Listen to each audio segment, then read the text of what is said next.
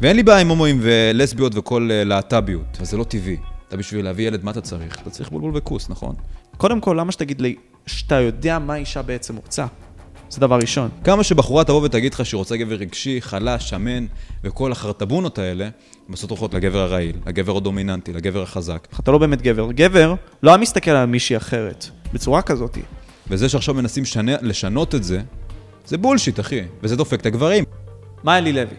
לך ריב עם רונן. ראיתי אותו הרבה פעמים פיזית, וכל פעם שפגשתי אותו הוא היה מכופף, עם ראש למטה, והוא ידע שבסיטואציה הזאת הוא צריך לכבד אותי. אבל ברגע שהוא בדיגיטל ויש לו את העוקבים המזויפים שלו, ששמים עליו אלף זין והוא לא מודע לזה, הוא מרגיש גבר. 65% מאוכלוסיית ארצות הברית הם שמנים. כי מחלישים אותם, ברור. ילדות בנות 18 או 24 מבחינתך. ככל שהיא יותר צעירה, זה אומר שהיא הרבה יותר טהורה וזה הרבה יותר מושך אותי, כן. כשאישה נאנסת, היא צריכה לקחת אחריות על זה שאונסים אותה. מאוד מאוד תלוי, ואני אגיד כן, וזה יישמע פרובוקטיבי, ואני אסביר לך גם למה. אהלן החבר'ס, לפני שאנחנו נתחיל את התוכנית, אני רוצה קודם כל להודות לכם ולעוקבים החדשים. בכללי היינו ב-72% מהצופים שלא היו רשומים, וירדנו ל-68% מהצופים שלא היו רשומים. כלומר, יש יותר אנשים שיעקבו אחרינו. אבל חשוב לי שעוד יותר אנשים יעקבו, כי בסוף זה מה שיעזור לנו כערוץ להביא את האנשים הכי משפיעים בארץ ולקדם את תרבות השיח בישראל. זה יהיה בזכותנו, בסופו של דבר. אני צריך את העזרה שלכם, אני מנסה לעשות את המקסימום שלי, וזה הכל, בשיח עצמו, מקווה שתהנו. הנה אנחנו בעוד פודקאסט של משה פבריקנט, בואו נתחיל.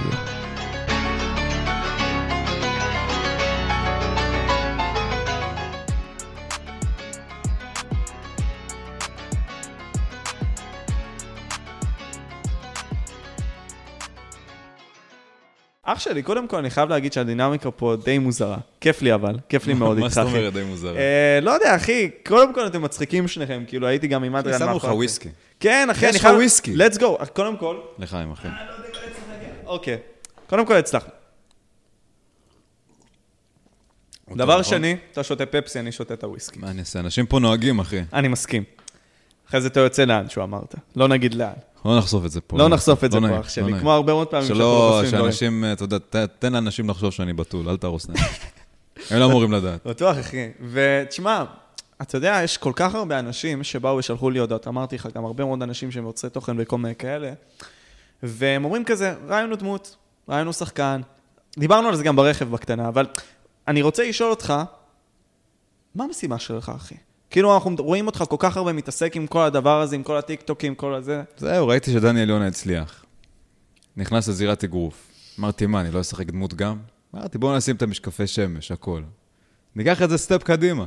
אה, אתה סתם, מסתלבט. אין לי מושג, אחי, לא יודע למה חושבים שאני דמות.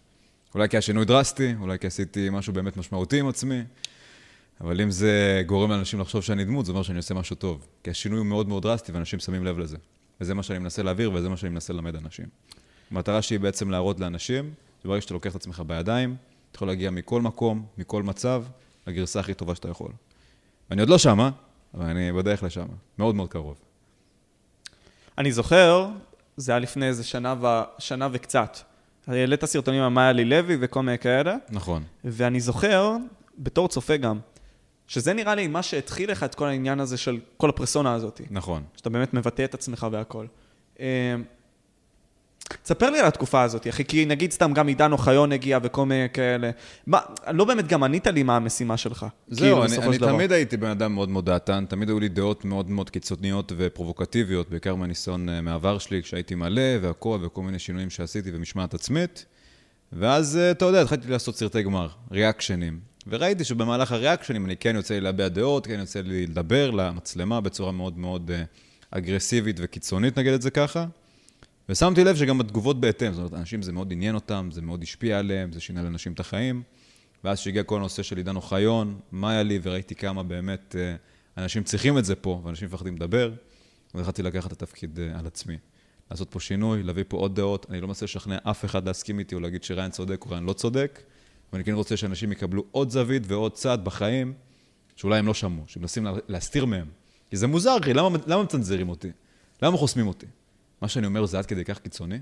זה לא קיצוני. זה בסיסי. לאנשים אוקיי. של פעם. פשוט היום מנסים קצת לשחק עם הדור, לשנות את זה, אז אני פה למנוע את זה. אבל זה כל העניין הזה של האג'נדה של הטיקטוק בלי קשר, אחי. אתה לא, בחור אחי, שבא ומדבר... בוא לא על- נדבר על הטיקטוק לא, לא, לא, בכלל. אבל שם מצנזרים אותך במיוחד. לא צנזרו אותך באינסטגרם, או שאני... לא, לא, באינסטגרם עוד לא. עוד לא. אוקיי, צנזרו אותך בטיקטוק, אבל אני זוכר. נכון. אז כאילו, אתה יודע, שם זה אידיאולוגיה. אתה לא יכול לבוא ולדבר עם בן אדם מסוים על... סתם דוגמה, אני העליתי הרבה מאוד קליפים עם רון אשר, שהוא גם פרובוקטיבי. והרבה מאוד מהם הורידו, אחי. כי הוא מדבר על X, Y ו-Z, בנות, חשופות, כל מיני כאלה, נכון. כמו שאתה עושה. אז כאילו, אני אומר, הם מנסים פשוט, אתה יודע, לא לקדם אידיאולוגיה, אחי. הם מנסים לקדם את כל העידן הזה של fucking בנות חשופות, אחי, וכל ה shit הזה. אבל אני רוצה לשאול, אחי, שוב, כי אתה לא עונה לי על זה, אתה כאילו, לא בכוונה גם נראה לי, אבל מה הוביל אותך, אחי, להגיע להיות ריין, שאתה נמצא פה עכשיו עם החליפה הזאת, עם המשקפיים? נו, זה ברור. לא, מה החוויות האלה שבאו ומנעו אותך לדבר הזה? זה היה קודם כל, זה היה כל הנישה של אנדרו טייט שפתאום התפוצצה, והתחלתי לראות פודקאסטים שלו, והוא התחיל לגעת לי בנקודות מאוד מאוד רגישות, שניסיתי להימנע מהם, הייתי בטוח שאני מושלם, ואני ככה גדלתי בבית עם אמא חד-הורית, אז חייתי במציאות מאוד מאוד נשית, נגיד את זה ככה, מאוד מאוד רגשית. ואז שהגיע אנדרו טייט, ודוד שלי גם נפטר, ועברתי כל מיני חוויות כאלה, וראיתי דברים מזוויות קצת שונות, והתחלתי להבין כמה מה שאנדרו טייט אומר הוא מציאותי, ומה אני יכול באמת להשיג מעצמי ברגע שאני אקח את עצמי בידיים. אז החלטתי באמת לעשות את הצעד הזה. התחלתי להתאמן יותר, כמעט כל יום אפילו, התחלתי להתאגרף, לקבל מכות, לתת מכות, וראיתי שברגע שאתה באמת רוצה, ואתה לוקח את עצמך בידיים ושולט על המוח שלך, אתה יכול להגיע למקומות מדהימים. אז כן, אולי בפן הכלכלי יש לי עוד עבודה, ובפן העסקי, אני חושב מבחינת אה, משמעת עצמית, התקדמות, שיפור עצמי, אני לגמרי שם, אחי, ואני בדרך שהרבה אנשים כבר מתחילים לראות. וזה למה יש הרבה לחשושים ודיבורים מסביב על הדמות הזאת. נכון. כן. באו ופנו אליי בפרטי הרבה מאוד אנשים, ובאו ואמרו לי, אתה יודע, הריין הזה הוא פייק באיזשהו מקום. הוא לא באמת בן אדם שהוא מקצוען. אין לו באמת טרק או רקורד של כל הדבר הזה. כלומר, אתה לא מנוסה. לא המקצוע שלך זה pick-up artist וכל הדברים האלה. ואתה כאילו כל כך מדבר על זה בצורה חופשית והכל, אז אני שואל, למה שאנשים יקשיבו לך דווקא ריין? כי אני הולך להביא הוכחות. אני בן אדם שהוא מאוד מאוד אה, פרטי. אני כאילו כן הייתי חשוף, כן הייתי מאוד מאוד בולט ביוטיוב, אבל אה, תחום ה pickup זה היה משהו שנכנסתי אליו בצורה כל כך דרסטית לפני איזה 4-5 שנים בערך, שממש ראיתי שכל החברים שלי מזיינים ומשיגים בחורות והכל, ואני הייתי טיפוס ביישן. כן. לא הייתי משיג בחורות, הייתי נלחץ, הייתי מתחבר לבחורות מאוד בקלות, הייתי נפגע הרבה.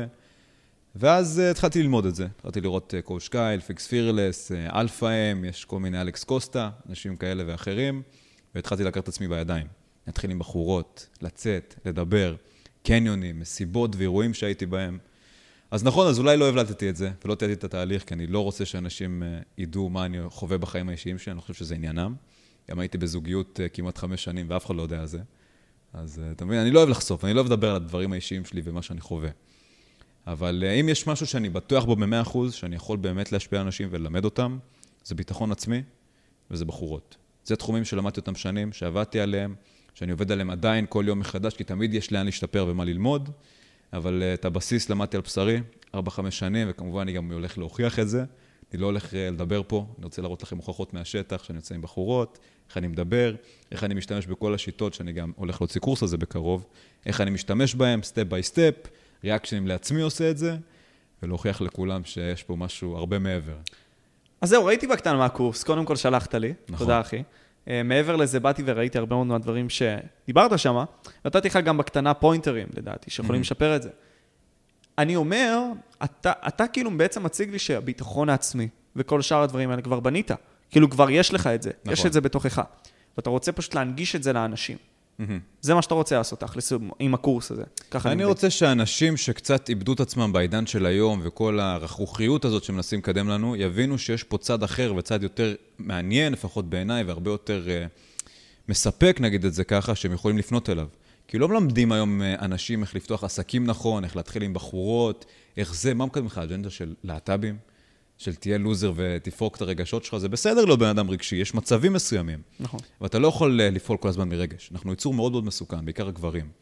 אתה רוב הזמן או שאתה חרמן, או שאתה חושב על לרצוח. וזה מוכח, אחי. כי אתה אין, אתה גבר, זה ה... איך קוראים לזה? זה אה, בשורשים שלך. לא, לא, לא, נו, איך, איך קוראים לזה?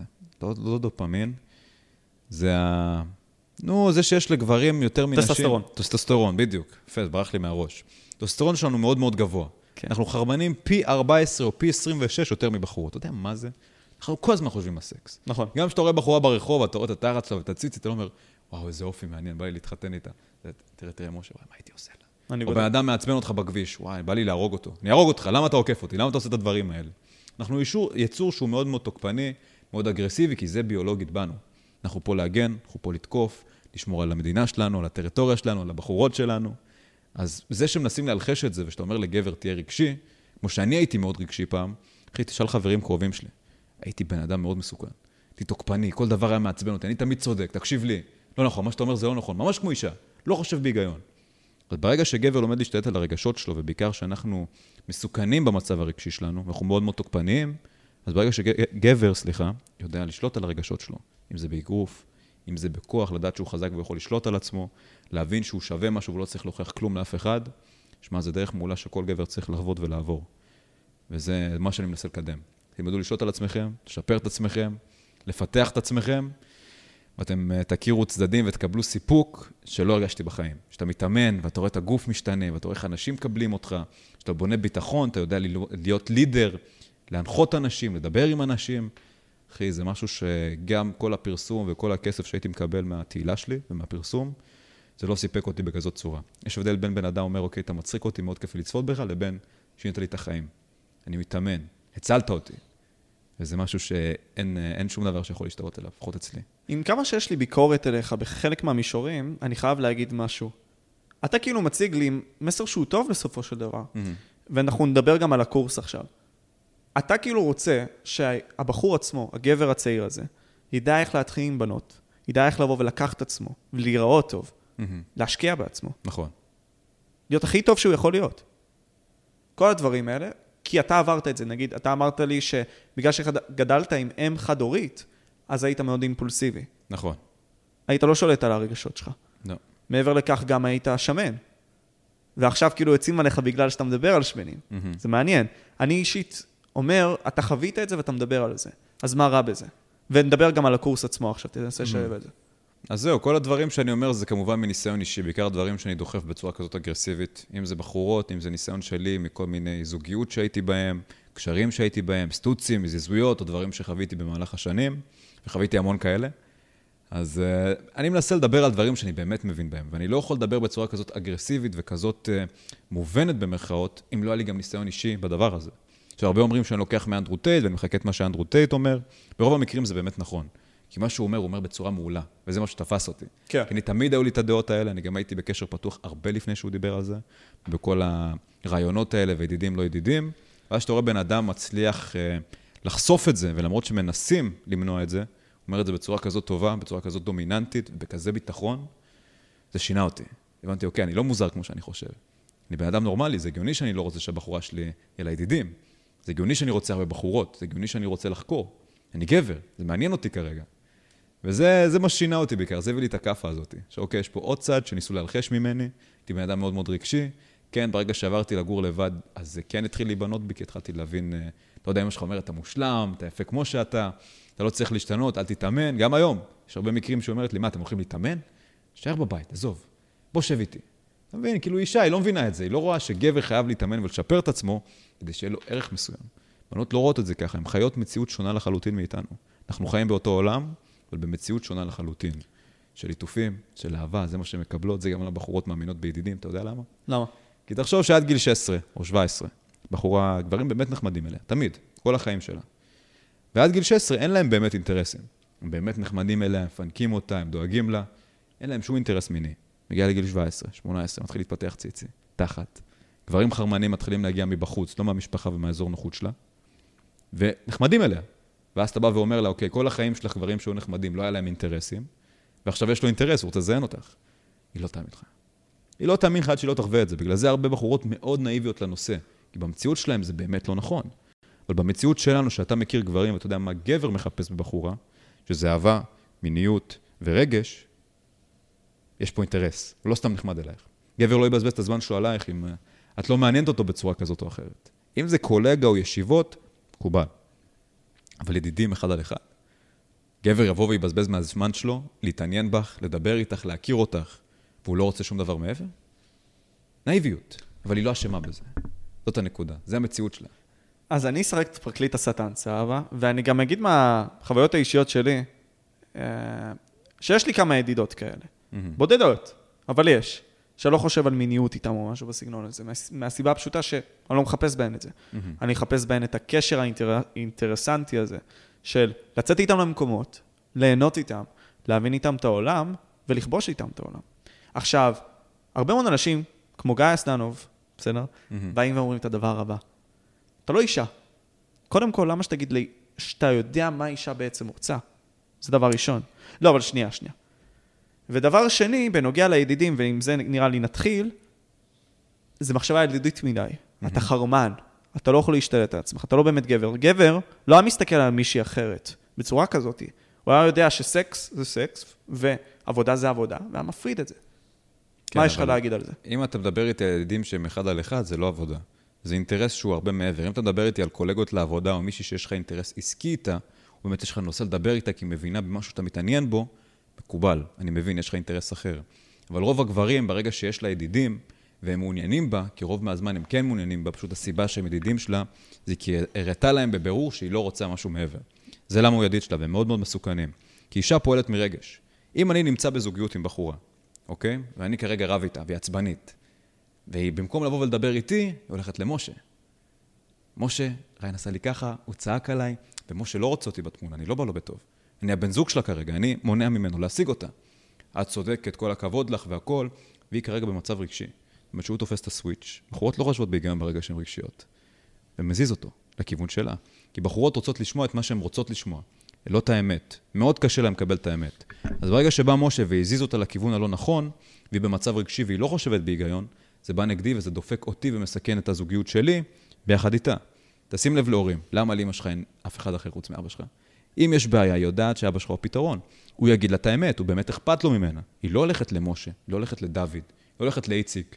כי איציק לא יודעים מה נכון בשבילה, הם לא יודעים מה קרה בתוך הסיטואציה. הם לא יודעים למה רבתי איתה, למה היא רבה איתי. אז למה שתבוא ותביא לי ביקורת? בחורות, ברגע שהן במצב רגשי, ובעיקר אחרי ריב, מאוד קל להזיז אותן. אם אתה בין, באמת, לא יודע, יש לך איזה אינטרס עבודה, או קולגות, או דברים כאלה ואחרים, נורמלי לחלוטין. אבל 95% מהגברים לא ככה. 95% מהגברים מאוד קשה להם להשיג בחורות, כאילו לא, לא 95, הרבה פחות, איזה 50% ממחקר שקראתי לאחרונה, הודיעו שמאוד מאוד קשה להם להשיג דייטים היום, וזה דופק, כי אז הם נמצאים במצב ידידותי, מגיעים גברים אחרים שכן תופסים אותם, והם נמצאים בבקבון, נמצאים מאחורה, אז מה הם יכולים לעשות? הם מחכים, אין להם אופציות אחרות. היא כרגע האופציה היחידה שלהם, ואני לא בעד ידידים. עכשיו, אני לא אומר לך שלבחורות לא יהיו ידידים, ידידים בכלל, יכול להיות לך ידידים. אבל אם אתה נכנס לקשר עם בחורה והיא עדיין משאירה את הידידים איתה, ולא העיפה אותם לבד, אני לא אומר לך לבוא ולהגיד לה את זה בפנים. אני, היא אמורה לעשות את זה לבד. ברגע שהיא מוצאת בך הכל ואתה באמת הגבר האידיאלי בשבילה, היא לא תחפש את זה, היא לא תרצה אותם. היא תפנה אותם לבד. כי הידידים, מה שאישה מחפשת זה תשומת לב. וברגע שאתה מביא לה את התשומת לב, מביא לה את היחס, את הביטחון ואת כל מה שהיא מצאה בידידים, היא לא תרצה אותם, היא תעיף אותם לבד. כי היא תדע שהכל נמצא בך. תשאל כל בחורה שהייתה מאוהבת בגבר ב-100%, באמת חשקה בו בכל צורה ובכל דרך, הוא היה מושלם בכל פרט uh, בעצמו בתור גבר, לא היה לה ידידים. היא לא חשבה על זה אפילו. אז מה שאתה אומר שנשים, כאילו, ככה אני מבין, אולי תחדד אותי, שנשים לא יכולות לקחת אחריות על המעשים שלהם. הם בעצם... חד משמעית. למה אתה חושב ככה? כי, אתה יודע, רגע, אני רוצה באמת לעצור. בחורות יכולות שנייה, לצאת שנייה, מכל סיטואציה, תשים לב. אם בחורה נכנסת להיריון, no. היא יכולה לעשות הפלה. אתה לא יכול להחליט על ההפלה שלה. אם בחורה עושה, בוא נגיד, אפילו בגירושין, 50% מהכסף. הכל, היא יכולה לצאת מכל סיטואציה, עולם מאוד לטובת נשים. אין להם עונש, כלום. היא יכולה לבוא ולהאמין במזלות, או להבין בכל מיני פוגזי ודברים כאלה ואחרים, ועדיין גברים יפנקו אותה, ידאגו לה, ישלמו עליה, יזיינו אותה. אתה לא יכול. אם אתה תאמין בגחליליות ושטויות כאלה, משה, סתום את הפה, שב בפינה. Mm-hmm. בוא לבחורה, תגיד לה, אני מאמין שחמש גחליליות, זה אומר שיום טוב היום. נו באמת, אני חושב שבחורה תמחא לך כפיים ותזדיין איתך באותו יום אחרי שאמרת לה שאתה אוהב גחליליות וזה מה שמעניין אותך? נדיר מאוד. בחורות יכולות לצאת מכל סיטואציה, יש להן הרבה יותר הזדמנויות והרבה יותר סליחות, נגיד את זה ככה, בחיים. לנו אין את זה. אם אתה מכניס בחורה להיריון והיא מחליטה להשאיר את הילד ואתה לא רוצה את הילד, אתה חייב לשלם מזונות. הבחורה הצליחה לצאת מזה, אין לך פה שליטה. אבל אתה חייב להבין משהו, אנחנו לא יכולים באמת לשלוט בגדול על איך שבנות חושבות. ואני כן מסכים על דבר אחד, שבגלל שנעשתה מהפכת הגלולות הזאת, נשים נעשו עצמאיות, ובגלל שהן נעשו עצמאיות, הן יש להם את התואר הזה לאדם. הן יכולות עכשיו לעבוד בעבודות ממש בכירות, בעבר הם לא יכלו, והן חושבות שגברים מסתכלים על זה. אז פה הן חושבות שיש להם יתרון, פתאום הן מעלות את הרף שלהם, והן מסתכלות על גברים יותר מלמטה. וכן, אני מסכים איתך פה על זה. אני חושב אבל, שאתה צריך, לש... צריך לשפר את עצמך. אם אתה גבר, תשלוט במה שאתה יכול לשלוט. אתה לא יכול לשלוט בה, תשפר. את עצמך. אני מסכים, אני לא אמרתי לך לשאול בבחורה אף פעם. לא, אבל אתה מציג, בכללי, כן? וזה הרבה מאוד אמ- אנשים אמרו לי את זה. אתה מציג גישה סופר אנטי-נשית כזאת, היא מיזוגנית, בוא נגיד ככה. מה זאת אומרת? שאתה שונא נשים. אני שונא נשים? זה לפחות מה שמציירים. אני. לא מסתכל על זה ככה. אבל הרבה מאוד אנשים באים ואומרים, ריין הזה כל כך מדבר רע על נשים. קודם כל לוקח מהם הרבה מאוד זכויות. בא ואומר שלגבר, הוא צריך לבוא ולשלוט לאן היא הולכת. זה דבר ראשון. שלא יהיה לה ידידים, אחי. אוקיי? זה לא, זה לא נקרא שליטה, זה נקרא אחריות. אתה בתור גבר חייב לקחת אחריות על הדברים שקורים לך ועל המעשים שלך. זה משהו שאתה לומד במהלך החיים. ברגע שמשהו קורה ואיזה פשלה קורית לך, אני גם בטוח אתה בעצמך, אתה לוקח אחריות, אתה אומר, אוקיי, יכלתי לעשות את זה אחרת. יכלתי לעשות ככה וככה, הייתי צריך לשים לב לזה. אז מה שאני אומר לגברים זה לא לבוא ולשלוט. בוא לא נטעה. אתה לא יכול לשלוט על הבחורה. היא עצמאית, היא יכולה לעשות מה שבא לה. אבל אתה בתור גבר, יש לך אחריות מסוימת על הנורות האדומות שאתה מקבל בדרך. ואם בחורה משאירה ידידים, זה נורה מאוד אדומה. אם בחורה ממשיכה לחפש יחס ותשומת לב באינסטגרם, זה נורה אדומה. אם בחורה יוצאת למועדונים, זה נורה אדומה. אתה בתור גבר צריך לקחת אחריות ולהימנע מזה ולדעת מתי לעצור את זה. אתה לא יכול לשלוט, אני לא בא ואומר לך, תעיף את הידידים או שאנחנו... זה... אתה יכול להציג את זה, אבל זה בסדר גם יכול, אבל לדעתי. שוב, זה לא שליטה. זה בא פשוט ממקום אתה של בא חיסרון כזה. מביא לה, איך קוראים לזה? אולטימטום. אבל בדיוק. גבולות, גבולות. בדיוק, זה הגבולות שלי, אני יש לי סטנדרטים, כמו שאישה רוצה גבר גבוה, אישה רוצה זה, גבר יש לו סטנדרטים מסוימים. אבל אפשרי להתפשר על הסטנדרטים האלה. תלוי במה, תלוי איזה סטנדרטים. כשאתה מדבר אוקיי. איתי על ידידים שבאים לרעתי ושיוצאת למועדונים והיא מעלה דברים חשופים לאינסטגרם שפוגעים בי וגורמים לכל גבר להרגיש לא בנוח, וגבר שיגיד לך שהוא מרגיש בנוח אם זה משקר לעצמו, זה משהו שהוא חסר ביטחון, הוא לוזרי, הוא אפסי, ואף גבר לא אמור לחוות את זה. וזה, ולי אישית זה מאוד מאוד כואב לבוא ולחוות uh, הודעות מאנשים שאומרים לי, אוקיי, היו לה ידידים, שמחתי עליהם, הקשבתי לך, ובסוף שהם נפרדו, כי היא לא רצתה להעיף את הידידים, היא הזדיינה עם אחד, האנש... עם אחד מהידידים שלה. למה זה קרה, אתה חושב? וזה כואב לראות את זה, זה כואב לראות גברים שבאמת אוהבים את הבנות זוג שלהם, באמת רוצים לטובתם, אבל הם לא מבינים את העולם הנשי. הם לא מבינים איך נשים רואות את זה, הם לא מבינים שכנראה אתה לא מושלם כמו שאתה חושב שאתה. תשים לב לזה. זאת, זה המסר, שים לב, יש לך נורות, נורות אדומות, יש לך אחריות מסוימת, תיזהר מהם. אתה לא צריך לקחת שליטה, בחורה יכולה לעשות מה שבא לה, והיו הרבה אה, בחורות שאהבתי, גם הפרידה האחרונה שלי קרתה בגלל סיטואציה כזאת, שבת זוג שלי רצה לצאת למועדון, לא מנעתי אותה, אמרתי לה, אוקיי, אין שום בעיה, אני מופתע שאת אומרת לי את זה, תעשי מה שאת רוצה. והיא בכל מקרה יצאה. הבאתי לה את הבחירה, היא עשתה את הבחירה שלה, לי יש את הסטנדרטים שלי ואת האולטימטומים שלי, ופה זה נגמר. אמרתי לה, הדברים אצלך ביום שלישי, מכבד את ההחלטה שלך, את עצמאית, יכולה לעשות מה שבא לך, אצלי זה לא מקובל. זה שליטה או לא שליטה?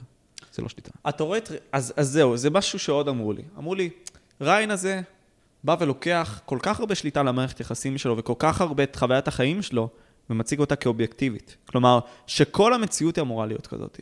אם נניח חברה שלי רוצה ללכת למועדון, ו- ואני לא מונע ממנה, כי זה ההסכם שלנו, זה הגבולות שלנו.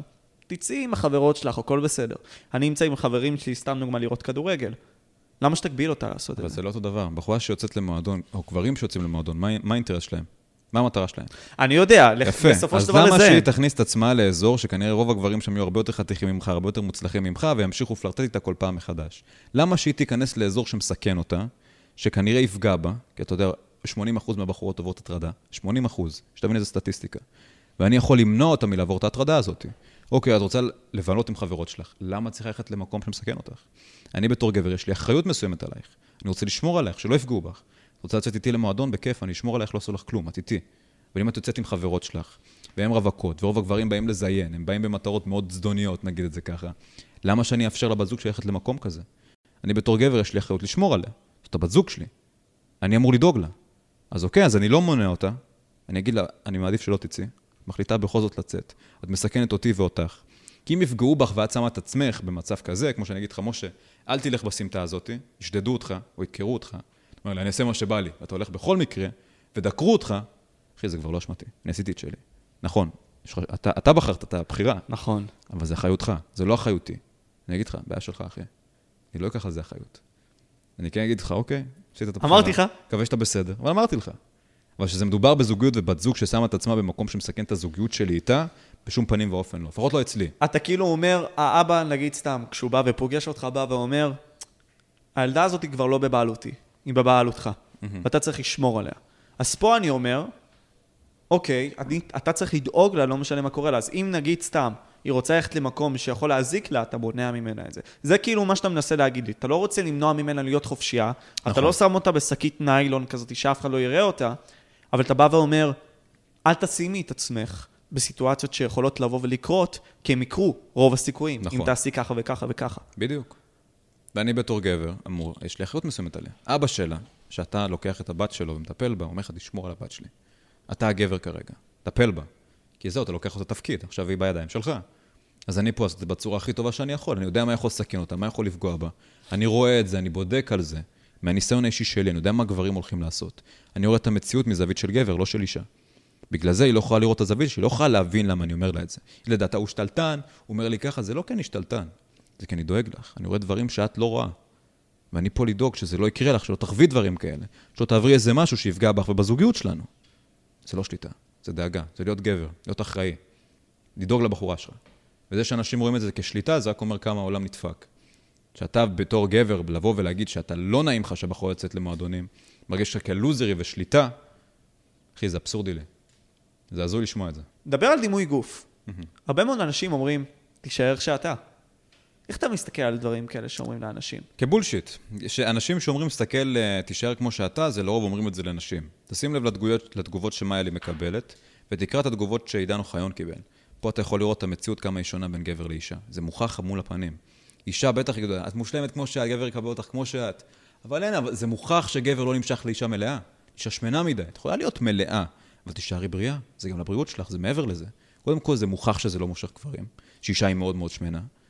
וגם הבריאות שלך, למה שתעשי את זה? אם זה מסכן אותך, כמו שאנשים לא מקדמים סיגריות, למה שאני אקדם שומן? למה שאני אגיד לך, תהיה כמו שאתה ותהיה מושלם כמו שאתה, ואני יודע שזה פוגע בך, כמו שקרה לעידן אוחיון. האחריות והמוות שלו זה לאנשים בטיקטוק ועל מי שקידם את זה. כי אתם אמרתם לו, והוא מאוד מאוד פחד, אני דיברתי איתו אישית. אני עברתי איתו תהליך מסוים. מה שאני שמתי לב, הוא פחד לרדת מהמשקל, כי הוא ידע שבלי זה הוא לא יקבל חשיפה. כי אנשים פה הביאו לו חשיפה על זה שהוא שמן, על זה שהוא מתגאה בזה שהוא שמן. וזה מה שהרג אותו. האנשים בחוץ, כל הקידום הזה והבאדי פוסטיביטי, הוא יכל לעשות את השינוי, אבל הוא פחד ממנו. כי הוא ידע שברגע שהוא יעבור שינוי מסוים והוא ירזה, אנשים לא יסתכלו עליו באותה צורה. אנשים לא יקבלו אותו כמו שקיבלו אותו בהתחלה, כי זה, זה, הנישה שלו עכשיו. אני שמן. אני חייב להישאר, מה אני, מה אני אעשה אחר כך? אני לא מוכשר בשום דבר אחר. כן. תראה כמה יחס אני מקבל ברגע שאני אוכל שווארמה. כן. שזה מה שהוא עשה, למרות שניסיתי לעבור איתו תהליך. בולשיט, אחי. אתם מסכנים פה חיים, אתם הורגים פה אנשים, ולקדם בדי פוסטיביטי בצורה כזאת. כן, תהיה מלא, אבל תהיה בריא. ברגע שאתה בריא ואתה אוכל נכון, אתה לא תהיה שמן מלכתחילה. לא, אבל אוקיי, אז בוא נשים את זה שנייה. אתה מדבר על שמן, אני מדמיין את עצמי שלוש פעמים כמוני. רגע, מה קרה? לא, הוא פשוט הפסיק, אה, התחיל, אה, הפסיק את המצלמה והתחיל. אוקיי. שלוש פעמים כמוני. נגיד סתם משה שלוש פעמים, אז נגיד סתם אני שוקל עכשיו 70 קילו, אז נגיד 200, 200 קילו, סתם דוגמה. אתה מדבר על השמנה בצורה הזאת, לא השמנה עכשיו מישהי ששוקלת, סתם דוגמה, 100 קילו, מטר 80 כזה. אני מדבר על שמנים, אני לא מדבר על מלאים. לא, לא, יש הבדל. יש נגיד סתם מישהי שיש לה נגיד סתם במה לתפוס, כמו שאני ואתה נגיד סתם נוהגים להשתמש בזה, אבל יש נגיד סתם את השמנות ואת השמנים האלה שהם באמת כבר, אתה יודע, ענקים. זאת mm. הכוונה שלך, אני מניח. ברור, חד משמעית. אז אוקיי, אז יש הרבה מאוד אנשים שאומרים, אתה מדבר על השמנה שהיא כזאת, של לתפוס. כי אנשים מנסים לתפוס אותי על קטנות, אנשים לא באמת מבינים את הכוונה שלי, הם פשוט מנסים לשנוא אותי, זה הקטע. ברגע שאתה לוקח לעומק את הדברים שאני אומר, ואתה מנסה לשים לב לפרטים הקטנים ולמסרים שאני מנסה להעביר במילים שלי, כל דבר שאני אומר הוא נכון. כל דבר שאני אומר בו, יש בו קצת אמת. יש תמיד יוצא דופן, אל תשכח. אני מדבר על, על הכל, על הכולל. אם בן אדם אחד נולד בלי ידיים, אתה אומר שכל בני אדם נולדים טבעית בלי ידיים? לא, הטבע okay. אוקיי. הוא ששתי אנשים נולדים עם שתי ידיים. זה הגיוני, זה האידיאלי. אז מה שאני מדבר זה הרוב. יש יוצא דופן, יש כאלה שהם באמת ידידים של בחורות, יש כאלה שבאמת לא מחפשים לזיין ואינטרס אה, רגשי, אבל אני מדבר על הרוב, הרוב לא כאלה. אתה מדבר איתי פה על עידן אוחיון, ובאת mm-hmm. ונתת לו עזרה, משהו שבסופו של דבר, הרבה מאוד אנשים ראו, אבל לא נתנו לזה כל כך הרבה אף יחס. אחד לא ראה את זה, לא נכון. אני לא מסכים איתך, אני ראיתי את זה, אני גם ראיתי את זה גם בלי קשר, לפני שחקרתי את הנושא עצמו. כן, את זה. אבל uh, אנשים הבינו שעזרתי לו רק אחרי שקיבלתי איומים והחלטתי לפתוח את זה. ותשים לב, זה קורה לי בהרבה דברים שקורים מסביב. שאנשים מדברים, אנשים מנסים כאילו, הוא צריך להוכיח את עצמו, הוא בן אדם רע והכול, אני אף פעם לא מנסה להוכיח את עצמי. וכשזה מגיע למצבים כאלה, כמו שאיימו עליי, או איימו על החיים שלי במצב של עידן אוחיון, תראה איזה יופי. פתאום יש לי הודעות שאני עוזר לו, שאני מדבר איתו, ופתאום כל הזווית משתנה. אתה מבין? אף אחד לא רואה מה קורה מאחורי הקלעים, וזאת הטעות שלי. אני מאוד שונא לדבר על דברים מאחורי הקלעים, אני מאוד לא אוהב לפתוח את הדברים שאני חווה בדברים האישיים שלי, את הדברים הטובים שאני עושה, זה לא מעניין אותי. כן. אני לא מנסה לרצות אף אחד. אבל כשזה בא ופוגע בי או במשפחה שלי, ואח שלי קיבל איומים, ואימא שלי, אז פתאום חשפתי, פתאום הכל השתנה. כל ה... איך קוראים לזה? כל הסוויץ' מלשנוא את ריין, אוקיי, הוא בן אדם טוב, ניסה לעזור לו. כן. זה בן אדם טוב הוא. עכשיו אתה אומר שאני בן אדם טוב? לא ניסית להבין מההתחלה מה ניסיתי לעשות פה, וכמה אני מדבר לטובתו? אז אוקיי, הייתי קצת קיצוני, כי הוא אמר דבר מאוד מאוד זוועתי, שהוא השווה השמנה לעיוורון.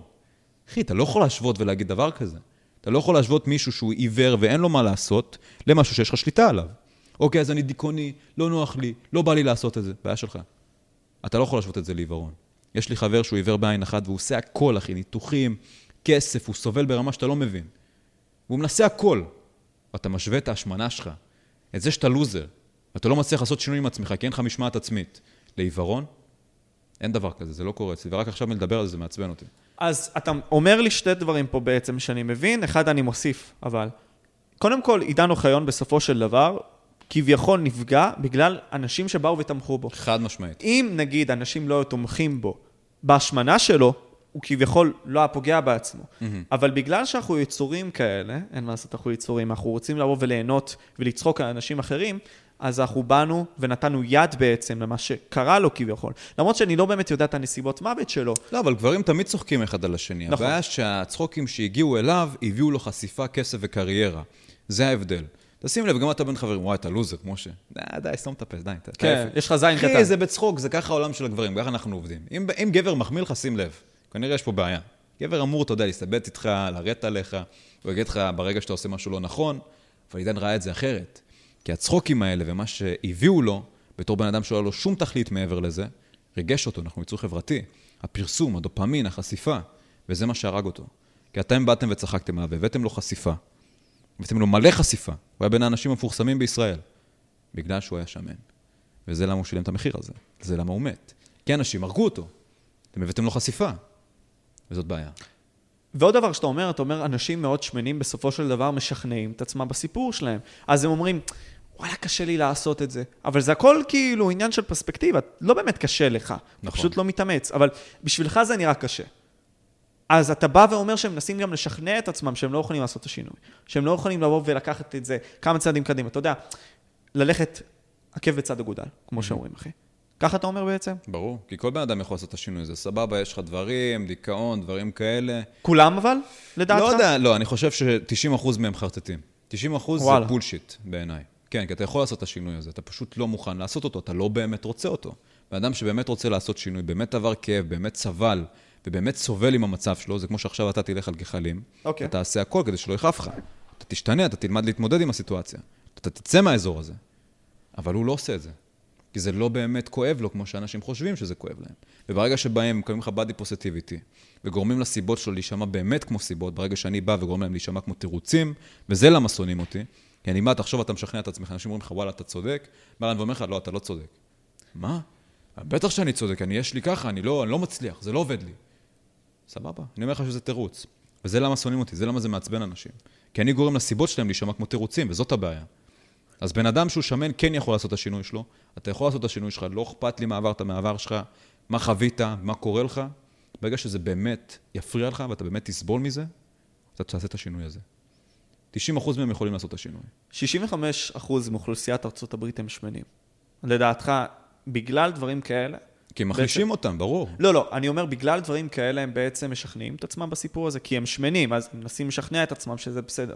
כי העולם מגיע למקום של ליטופים, שאתה בסדר ככה, אתה יכול לבכות, תהיה חלש, תאכל מה שבא לך, זה לא מעניין, נקבל אותך בכל מקרה. אבל תשים לב, אחי, 10% מהגברים הם מצליחים ומשיגים את רוב הבחורות. איך זה ש-50% מהגברים בעולם אומרים שעולם הדייטינג מאוד מאוד קשה להם? כן. זה לא היה ככה. למה זה עולה בשנים האחרונות? בדיוק בגלל המצבים האלה. כמה שבחורה תבוא ותגיד לך שהיא רוצה גבר רגשי, חלש, שמן, וכל החרטבונות האלה, בסוף הולכות לגס, לגבר הרעיל, לגבר הדומיננטי, לגבר החזק. שים לב בבית ספר, על מי בחורות מסתכלות? על הג'וק, על הבן אדם שהוא. בריון, אחי. על הפופולרי, על החזק, על הבן אדם האתלט. זה ביולוגית מוטמע בהם. וזה שעכשיו מנסים שנה, לשנות את זה, זה בולשיט, אחי. וזה דופק את הגברים, כי הם מקשיבים. אוקיי, אבל אמרו לי שככה זה בסדר, אני יכול להיות חלש. נגיד, הרבה גברים שלחו לי הודעות, אתה אומר לשפר את עצמך, אני לא מסכים, צריכה להכיר את האופי שלי, ומי שאני זה מה שחשוב. האופי שלך הוא מאוד מאוד חשוב, שלא תטעה. אתה צריך להביא משהו הרבה מעבר לאופי. לבחורה יש הרבה מעבר, יש, לבחורות, סליחה, יש אינטרס הרבה מעבר לאופי. רוצה להרגיש ביטחון, לדעת שאתה יכול לשמור על הילדים שלה, לאבטח אותה, לשמור עליה, זה דורש הרבה מעבר לאופי. אם יש לך את ארבעת הדברים האלה, היא תביא לך יחס, בעיקר בחורה שיש לה הרבה אופציות ובחורה שהיא יפה, שיש לה מה להציע. אבל אם אופי אין לך, היא לא תישאר. אתה צריך את שתי הדברים האלה, אתה צריך לאזן ביניהם. וזה מה שאנשים לא מבינים. אני לא אומר לך רק להיות uh, מוצלח ותשפר את עצמך ותעשה מה שבא לך. תלמד להיות גבר, תלמד להיות מצחיק, להיות רגשי, או תלמד לאזן בין השתיים. תלמד לדעת מתי להיות ככה ומתי להיות ככה. זה מה שבחורות מחפשות. את הגבר הרעיל, את הגבר הטוב, שמאוזן באמצע. אז בוא ניתן דוגמה לגברים ולנשים האידיאליים האלה, כפי שאתה רואה אותם. כי, אתה יודע, בסופו של יום, יש מבחינה אבולוציונית, איך הכל עובד. אז כלומר, אה, גברים, נשים אוהבות בעצם גברים שהם נגיד סתם לוקחים סיכונים. נכון. הם גם, יש את הדבר הזה של היפה והחיה. האישה רוצה להפוך את הגבר מחיה למשהו יותר רגוע. אתה מבין מה אני אומר? נכון. זה גם משהו אבולוציוני. אז אני רוצה לשאול אותך, מה הגבר האידיאלי מבחינתך, ומה האישה האידיאלית מבחינתך, באיך שאתה רואה את זה. מהמם. גבר אידיאלי לדעתי זה גבר שהוא באמת יודע לשמור על הבית שלו, גבר שהוא חזק, אבל הוא מתנהג כחלש. זאת אומרת, תשים לב, כל בן אדם, בעיקר אתה, אם היית במוניות לחימה ודברים כאלה, אנשים הכי חזקים הם הכי שקטים, אין להם מה להוכיח. זה גבר, הוא צריך לדעת שהוא חזק בכל תחום, אם זה כלכלי, אם זה רגשי, אם זה ביטחון, אם זה, אתה יודע, אומנות לחימה, ולדעת שהוא חזק, וזה מה שהופך גבר לאידיאלי. שיש לך את כל הכלים האלה, אתה יודע שאתה יכול להשתמש בכל זה לטובתך בכל עת, אבל אתה מאלחש אותם. אתה לא מנסה להוכיח כלום לאף אחד. אתה רגוע. ואתה יודע שאם מישהו יבוא וינסה לפגוע בך, במשפחה שלך, או בך, הצד הזה יוצא החוצה. יש לך את הכלים האלה, אתה יכול לשמור על הבחורה שלך.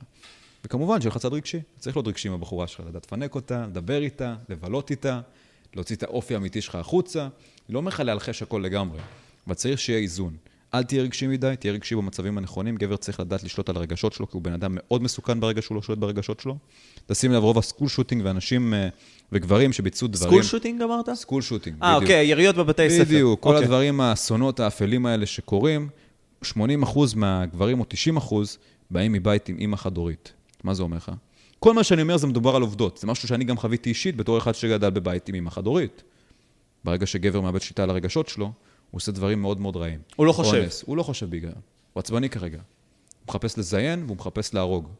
ותשים לב שכל הדברים הכי אפלים, שזה אונס ורצח, זה גברים שבאים מבית עם אימא חד-הורית. גברים שלא עברו מספיק, לא למדו לשלוט על הרגש שלהם, לא חוו מספיק כאב, ואז פתאום כשהכאב הזה מגיע אליהם, ולא שמתם את עצמכם בכאב הזה מלכתחילה, הם מאבדים שליטה. הם הולכים ומרססים, כי זה הפתרון שלהם. אני רגשי כרגע, אני עצבני, בא לי להרוג אותם. אני כבר לא מצליח להשתלט על זה. אני חלש. ואז מה קורה? נדפקים מזה. תראה כמה סקול שוטינג עולה בשנים האחרונות, כמה אונס עונה. כ- הכל עולה. למה? כי העולם הולך למקום שהוא לא טבעי, זה לא ביולוגית בנו. אתה מלחש פה את הגברים, מביא לבנות את הצד הדומיננטי, והן לא רוצות את הצד הדומיננטי. אף בחורה לא באמת רוצה להיות דומיננטית ב-100%. אולי לא, במקום לא, העבודה, לא, אני הכל... לא מסכים. אה, שמע, יש בנות שרוצות כאילו גם להיות דומיננטיות, וזה בסדר גם. אז למה. בחורות רוצות אה, גברים שהרבה יותר גבוהים ממהם? אחי, זה? כמו- הרבה זה- יותר מבוגרים, רגע, הרבה אבל- יותר מוצלחים. אבל שנייה, שנייה, שנייה. יש בנות במיטה, מי כמוך יודע, שאוהבות להיות אקטיביות, אוקיי? Mm. עכשיו, יש גם כאלה שאוהבות להיות פסיביות, אוקיי? לא כולן פסיביות, זאת הכוונה שלי. יש כאלה שהן שוב, אקטיביות. אני מדבר איתך על הרוב. אני מדבר איתי על יוצא דופן. רוב הבחורות לא רוצות להיות דומיננטיות. הן רוצות גבר שישמור עליהן, גבר שהוא מעליהן, גבוה יותר, חזק יותר מהן. למה?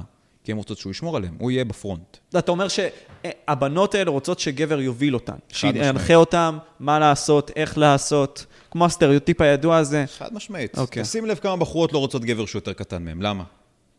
גבר שהוא... אבול- אבולוציונית פשוט. אני גם ראיתי מחקר, בהם ביולוגית. כן, ראיתי מחקר שבא והראה לי את זה, מחקר מדהים. מישהו שהוא מטר שישים ושתיים, ישר אוטומטית, 90% מהבנות אומרות לו לא. נכון. בלי לראות אפילו את האופי שלו, בלי כלום. אם אתה מטר שמונים ושתיים, אוטומטית, 90 אחוז נותנות לך את האופציה של כן.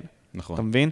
אז כבר אז, מבחינה אבולוציונית אנחנו רואים שבנות מתעדפות גברים יותר גבוהים, כי זה נותן הרבה מאוד אינדיקציות. גם עוד, עוד מחקר, כזה רנדומלי מאוד, אבל מנכ"לים של החברות הכי גדולות בעולם, נראה לי ב top 100 חברות הכי גדולות, או top 500. אחוז מאוד גדול שלהם, אם אני לא טועה, 40 או... לא, 60 אחוז מהם הם מעל מטר שמונים. מהמם. זה גם אומר משהו, ברור, בסופו של דבר. מביא להם ביטחון גם במהלך החיים. כי כמו שאתה אומר, תחשוב אתה גבר, מטר שמונים ושתיים, אתה רואה שכולם חושקות בך. אתה גם חזק, אתה גם מתאמן, אתה גם לומד לשלוט על הרגשות שלך. גדלת בבית עם אבא, שהביא לך את הכאפות שאתה צריך לחוות. ברור, אחי, אני לא מופתע בשום צורה. וכמו שאתה רואה, כל מה שאני אומר מוכח מחקרית, זה משהו שהוא ביולוגית מוטמע בנו. אני לא ממציא פה שום דבר. אני אומר לגברים להיות חזקים ולהיות דומיננטיים ולהשיג ביטחון כלכלי וביטחון בכללי עם עצמם ולסביבה שלהם, כמו שאתה אומר, אחי, זה גורם להבדל משמעותי. הבנתי. וגם לבחורות להסתכל עליך שונה. עשו מחקר לא מזמן, שבאו ואמרו, באו לבדוק מה הכי מושך בחורות מבחינה מינית, מה גורם להם להימשך אליך הרבה יותר. גוף חזק ושרירי. לא חטוב. כל עוד יש לך שרירים, אתה נראה דומיננטי, יש לך חזה, יש לך ידיים גדולות, זה מושך בחורות בצורה הכי דרסטית שיש. לא bodybuilder. לא bodybuilder. אתה לא חייב להיות bodybuilder, זה bullshit, אחי. bodybuilder־ים לרוב זה סטרואידים, ואם אתה רואה גוף שהוא באמת מוקצן, שעצוב שאנשים לא מדברים על זה, זה לרוב מזויף. גם אף אחד לא עכשיו יבוא ויאכל אה, קרוטונים, אחי, כל היום בשביל להישאר חטוב, אחי. אין, אנחנו בני אדם. אוקיי. אבל כן, גוף שהוא חזק, גוף שהוא שרירי, זה גוף שמושך בחורות. למה? כי הוא מראה להם ביטחון. בחורה מסתכלת עליך, גם האנרגיה שאתה משדר, גם זה דיברתי בקורס. האנרגיה שאתה משדר והביטחון שאתה משדר זה מה שבחורות יכולות לקרוא. אתה לא יכול לקרוא את זה כמוהן. בחורה היא יצור רגשי, יצור שהוא מאוד אובזרבר. כן, מאוד בוחנת את ה- היא את בוחנת אותך הסביבה. תמיד. בגלל זה תמיד תשים לב שהיא תגיד לך, משה, אל תלך לחדר כושר והכול. היא לא עושה את זה בצורה שהיא הגיונית, זה פשוט מוטמע בה. היא רוצה לבדוק אותך. תשים לב שהרבה שיט, טסט, שיט טסטים שבחורות עושות לגברים, הן לא עושות את זה בשביל להפיל אותך. הן פה כדי לבדוק אותך, כי זה ביולוגית מה שהגוף שלהם רוצה לבדוק. הוא רוצה לדעת אם הגבר הזה באמת חזק, כמו שהוא אומר. אם הוא ייפול, אם אני יכולה להזיז אותו, אם אני יכולה לנער אותו. ברגע שאתה יודע לשלוט, בחורה תימשך אליך הרבה יותר, שורה שאתה חזק, שאתה דומיננטי, שאתה כריזמטי, יש לך ביטחון, אבל אתה גם יודע להיות רגשי ואוהב ברגעים הנכונים, אחי, כל בחורה תרצה אותך. זה הסוד. אתה אומר לי, הבחורה בסופו של דבר רוצה לראות אם הגבר שלה באמת מי שהוא, בנוסף מגן עליה, וגם אם אנחנו ניקח את זה בלי קשר לאיך שאנחנו היינו בשבטים, היית רוצה שהמנהיג יהיה מישהו שהוא מאוד יציב, מישהו שמכיר את האנשים מסביב, שיכול לחבר, יכול לעזור לך לשרוד, אז אתה גם אומר לי, באותו מטבע, זה מגיע מאיתנו, בני האדם, אנחנו כאלה כל הזמן. אנחנו נמשכים לכאלה אנשים שנותנים לנו ביטחון. אז בסוף גם האישה רוצה ביטחון. אז היא נכון. בוחנת אותך בשביל שהיא תאמת לעצמה שזה אמיתי, שזה נכון, שאתה גבר אמיתי בשבילה. נכון. אם לא, היא תבגוד. ברור, חד משמעית. אתה יודע ש-40 אחוז, ואני הופתעתי שראיתי את זה, 40 אחוז, כן, 40 אחוז מהילדים בעולם, לא האבא שמגדל אותם, וזה לא האבא האמיתי, וואלה. 40 אחוז, אחי. אני? הייתי בשוק. 40 אחוז מהגברים מגדלים ילד שהם בטוחים שהוא שלהם, אבל הוא לא שלהם. 40 אחוז. איך, איך בודקים את זה, כאילו? מעניין. בדיקות DNA. וואו. אחי, זה אבסורדי. נכון. אבסורדי. 40 אחוז מהגברים שנמצאים בזוגיות עם הבת זוג שלהם, וגדלים אותה ושומרים עליה ועושים 50-50, כמו לוזרים, הילד לא שלהם, האישה בגדה. אחי, זה אבסורדי. זה אבסורדי שהחוזים מגיעים למצבים כאלה, שהעולם מגיע למצב כזה. אתם לא שמים לב? כל הקורונה לא לימדה אתכם כלום, כל המצב וכל הלהט"ביות, עכשיו גם היה ילד בן 13. בן 13. רוצה להגיד לי שזה לא פדופיליה? שחדשות ומוסדות אינטרטיינמנט באים ומקדמים מיניות של ילד בן 13, ומה הוא אוהב ולמה הוא נמשך? מה ילד מבין בבולבולים וכוס? מה אתם מוחאים לו כפיים? מה אתם מביאים לו יחס? זה לא אבסורדי לך העולם, המצב שהעולם מגיע אליו? הקטע הוא שאתה לא יכול לשלוט בזה, ואני אסביר גם... בטח. שאתה לא, יכול לא, אבל לשלוט רגע, רגע, ריי. שנייה. לחנך את הילד שלך זה לא יספיק. וזה זה עובדתית נכון. כי אתה יכול להגיד לו, שמע, אין מה לעשות, מה שאתה תראה הוא ככה וככה וככה. אתה יכול להסביר לו את זה, אבל רוב ההורים לא עשו את זה גם עם הדור שלנו. מעבר לכך גם, ריין, יש את הטיקטוקים והיוטיובים למיניהם שבאים ונותנים לנו את זה. אז הם דוחפים לנו את זה. כי אנחנו מסוקרנים, אז הם נותנים לנו יותר ממה שאנחנו רוצים. נכון, כי הם אז בסוף אנחנו. נמשכים לזה בצורה טבעית, אחי. אז כן, אני רואה, נגיד, סתם, פתאום מישהי עם ציצי מאוד קופץ, כי אני מסוקרן. או פתאום אני רואה מישהו שמדבר על הומואיות, כי נניח אני הומו. אז, או מרגיש שיש משהו בי שהוא הומו, והרשתות נותנות לי את זה. אז תמיד זה קפיטליזם, אחי. אתה לא יכול לשלוט באיך שהחברות באות ומנהלות את זה. מה זה קשור? אבל הם רואים שזה שמה, זה שמושך... סליחה, עוד פעם. זה פשוט הם רואות שזה מה שמושך אותך. שאתה שם ציצים והכול. אחי, זה לא דבר שהוא נורמטיבי. הוא לא דבר שהוא טבעי. ילד בן 13 לא אמור לקבל גישה ל-200 מיליון בחורות בטלפון. אבל אתה יכול 200 לשלוט מיליון בזה? סרטונים. אבל ריין, אתה יכול לשלוט בזה? בטח שאתה יכול לשלוט בזה. אתה בתור אבא ובתור הורים, ההורים, השליטה היא בידיים של ההורים. ברגע שאתה נותן לילד גישה מוגזמת לטיקטוק, לבית ספר, לכל המקומות האלה שלא פה לטובת הילדים שלכם, ואם אתם חושבים שהם לטובת הילד- הילדים שלכם, אתם חיים בסרט. הנה, אתה עכשיו רוצה להיות עצמאי, לפתח עסק. הבית ספר לימד אותך? הוא הביא לך את הכלים, הוא אמר לך מה זה מס הכנסה, מע"מ, הוא לא הביא לך כלום. הוא זרק אותך לאוויר כדי שתהיה עבד ותעבוד בשבילו. אז אתה חושב שהמקום הזה רוצה שתהיה לטובת המשפחה, לטובת הבית? אתה יודע למה הכניסו את הפמיניזם? למה הכניסו את הפמיניזם? כי הממשלה לא יכלה להטיל מס על 50% מהאוכלוסייה. תחשוב על זה, כי פעם נשים היו נשארות בבית, הגברים היו עובדים. הופה. האישה לא הייתה משלמת מיסים, היא לא עובדת. ועכשיו ברגע שהאישה עובדת וגם הגבר עובד, הם גם משלמים, מקבלים יותר מיסים מהאזרחים שלהם, וגם הילדים איפה צריכים להיות? בגנים ובבתי ספר. זאת אומרת שיש יותר עבדים, יש הרבה יותר עובדים. החברות של האנשים האלה, של העשירים, ממשיכות להתפתח, ממשיך לצמוח, וזאת הבעיה. הממשלות והאפליקציות לא רוצים לטובתכם, אתם המוצר. הם רוצים את הכסף שלכם, את היחס שלכם. אף אחד פה לא רוצה לטובתך. למה הם קידמו את הילד בן 13 הזה? הם ידעו שהם יקבלו הרבה תגובות טובות. שאוקיי, זה עכשיו יקדם את זה, זה מעניין. יש הרבה דברים גם מאחורי הקלעים שאני לא אפתח פה, אני לא רוצה שיחסלו אותי. אבל אחי, זה, זה עולם מקולקל, זה משהו שהוא לא טבעי. אם גיל ההסכמה הוא 16, אתה יכול לבוא ולהגיד לי שילד בגיל 13 יודע להחליט שהוא נמשך לבולבולים? אין דבר כזה. בולשיט. עד גיל 18, אפילו 16, אתה יודע מה, נגיד 16. לילד אין שום זכות בחירה על ההחלטות שלו. אתה בתור הורה, רק לאימא שלו ולאבא שלו יש שליטה על ההחלטות שלו. כשהוא גודל בגיל 18, תשים לב, גם הרבה הומואים. הרי למה יש הרבה הומואים? שהם באמת הומואים. כי עד גיל 18 פעם לא קידמו את זה. הם עדיין נשארו הומואים. זה מוטמע בך. אם זה באמת טבעי וזה באמת נורמלי, ונולדת עם זה, זה לא משנה אם אני אגיד לך שאתה הומו או לא הומו. אתה עדיין תהיה הומו בכל מצב. אז למה אתה בא לילד בן 13 שחיפש יחס, והוא תייג את כל המפורסמים, את כל המפורסמים בתגובות שהביאו לו יחס לדבר הזה שהוא עושה, וליציאה מהארון שהוא עשה, הוא נראה לך ילד שהוא באמת יודע מה, מה, מה זה בשבילו? שהוא באמת הומו? שהוא מחפש יחס ומספר סיפור שאנשים ירחמו עליו ויביאו לו יחס? שהמדיה תביא לו יחס, ובסוף הביאו לזה יחס? אחי, זה אבסורדי, הרסתם את הילד. אז- קלקלתם אותו. אז אני אלך למקום כזה, אני באיזשהו מקום כן מסכים איתך פה, ואני אסביר. אני לא מסכים איתך בנוגע לספקולציה הענקית הזאת שדפקת, אחי, בנוגע לזה שהפמיניזם ככה נוצר וזה. כאילו, בסדר, אני, אני פחות אסכים עם זה, כי נגיד התנועה של השחורים, סתם דוגמה, נוצרה, ואחרי זה הפמיניזם בעקבות זה, כי נשים באו וקיבלו על עצמם כוח. אבל בוא אני אגיד משהו בנוגע לטרנסג'נדרים ואותו ילד. אני לא, לא אכנס ספציפית לאותו ילד, כי אני לא מכיר אותו, אבל דיברתי עם איזשהו בן אדם שמתעסק בעבודה סוציאלית וכל מיני כאלה, עובד עם אנשים. ושאלתי אותו, תשמע אחי, כאילו זה לא הגיוני לי שסביבתית הומואים לא מושפעים בעצם, שנגיד סתם אנשים, המשיכה שלהם לא הופכת להיות הומואית בגלל הסביבה. אמרתי לו, זה לא הגיוני. הוא אמר לי, אין מחקרים על זה. אבל בוא אני אגיד לך משהו. בן אדם מניגריה, שבא ונמצא, ולא מכיר מה זה להיות הומו, הוא לא יהיה הומו. נכון. בן אדם שהוא בצפון קוריאה, והוא נמצא שם, ולא יודע את המילה אהבה, הוא לא יודע, הוא, הוא לא ידע לתת אהבה להורים שלו. אתה מבין מה אני אומר, אחי? Mm-hmm. אז זה בדיוק זה. אם אתה מכיר את המושג הומו, ואתה רואה את זה כל כך הרבה מסביבך, וגם, אולי גם העניין הזה אבל למה שתראה שנייה, משהו שנייה. שהוא לא טבעי? אבל גם העניין הזה שהתשומת לב, כמו שאתה אומר, אחי, עובד. אז גם אתה רואה את זה, אתה רוצה תשומת לב, גם אתה רואה את זה פתאום הרבה, אז אתה אומר, למה אני לא כזה? או יותר נכון, בשביל תשומת לב, אולי אני אהיה כזה בשביל לקבל הרבה מאוד תגובות וכאלה, וזה כן עובד, כמו בנות שמנסות להראות את הציצי שלהם. כי זה מביא להם תשומת לב, זה מביא להם יחס, זה מה שבחורות מחפשות. אבל הילד הזה, זה המצב שלו, הוא ראה שהוא לא מקבל יחס, הוא חיפש יחס מסוים, הוא ראה שכולם מקדמים את האידיאולוגיות של הלהט"ביות, ותהיה הומו, וזה יפה, וכל הכבוד, קבלו אותו, הוא הומו. אז הוא אמר, אוקיי, בוא נעשה גם. אולי אני אקבל את היחס שאני רוצה. והוא קיבל את היחס שלו, ועכשיו זה, הילד נהרס. כי הבאתם לו יחס במשהו שהוא לא באמת בטוח בו, הוא חיפש יחס. בן אדם שהוא הומו לא יחפש את היחס הזה. הוא לא יחפש, הוא פשוט יהיה כזה.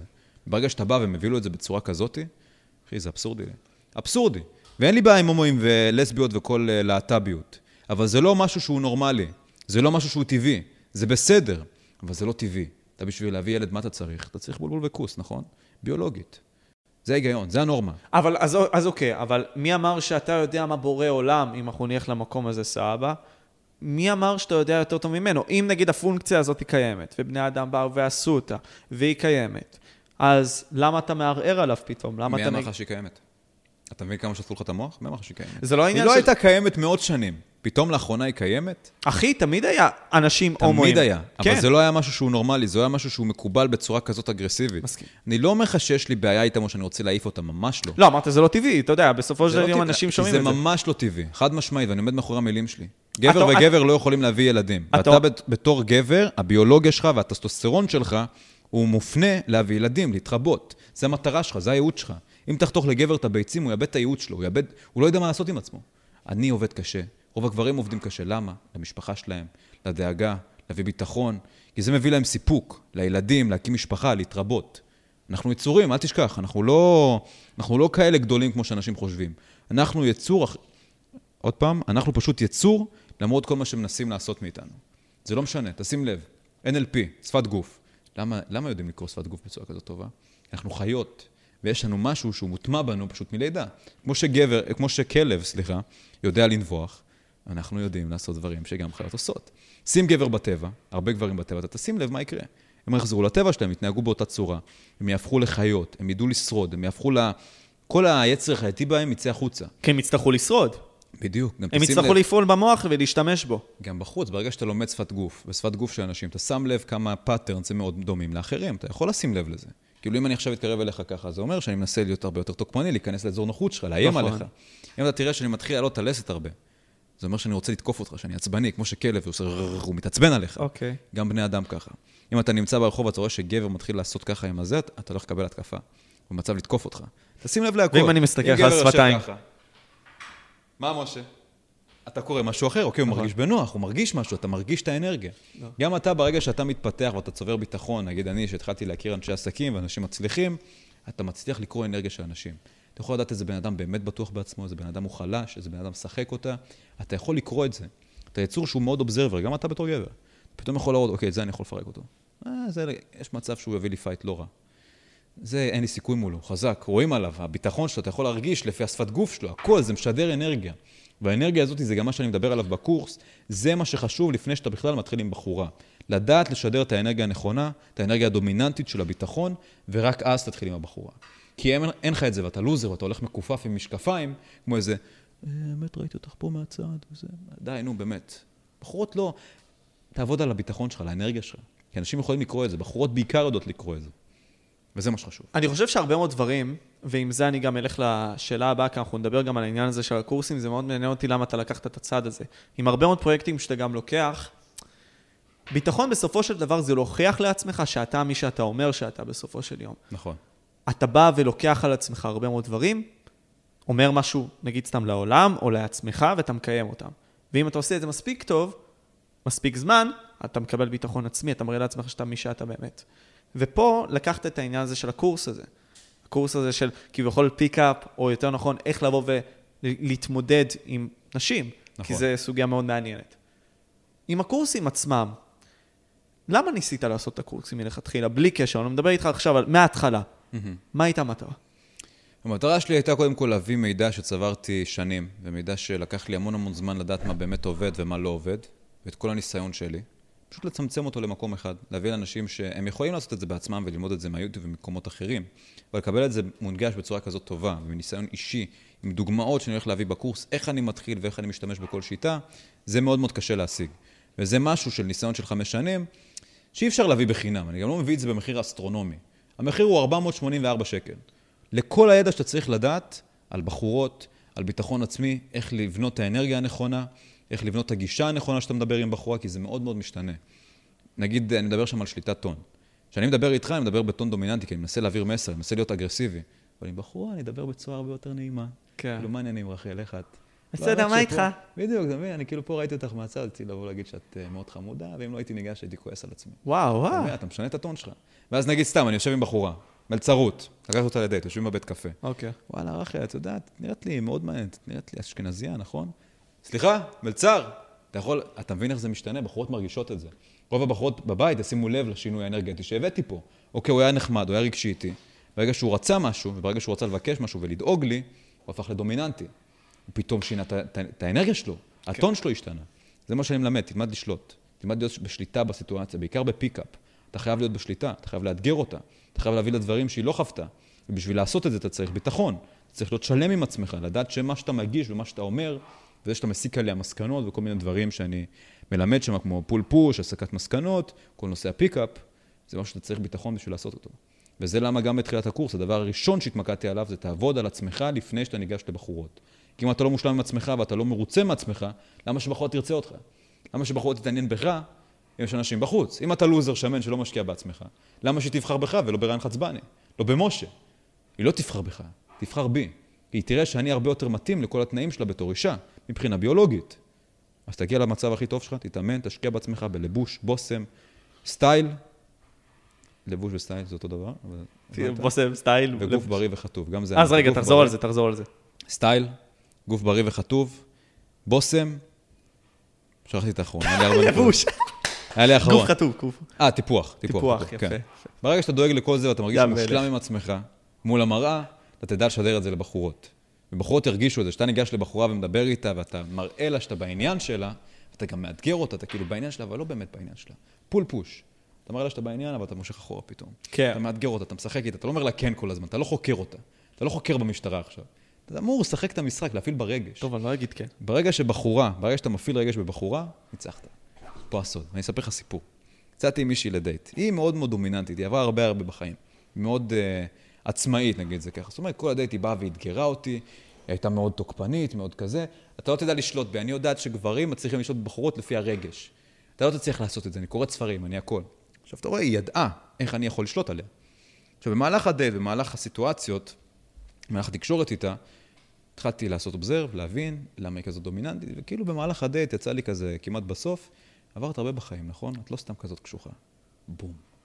פתאום הכל השתנה, פתאום היא רכרוכית כזאת, והיא הרגישה בנוח, והיא נצ... פתאום היא חזרה לנשיות שלה, אומר, אוקיי, הוא בטוח בעצמו, אתה מדבר בביטחון, אתה מגן עליי, אתה שילמת עליי, אתה דואג לי בכל מצב, אתה מדבר בצורה מאוד מאוד דומיננטית, ועכשיו אתה גם מצליח להבין אותי. הפעלת בי רגש. עכשיו, אני מרגישה שונה. ניסיתי להיות כזאתי. רוב האנשים לא מצליחים להבין מה קורה לי ולמה אני כזאתי. הכל השתנה.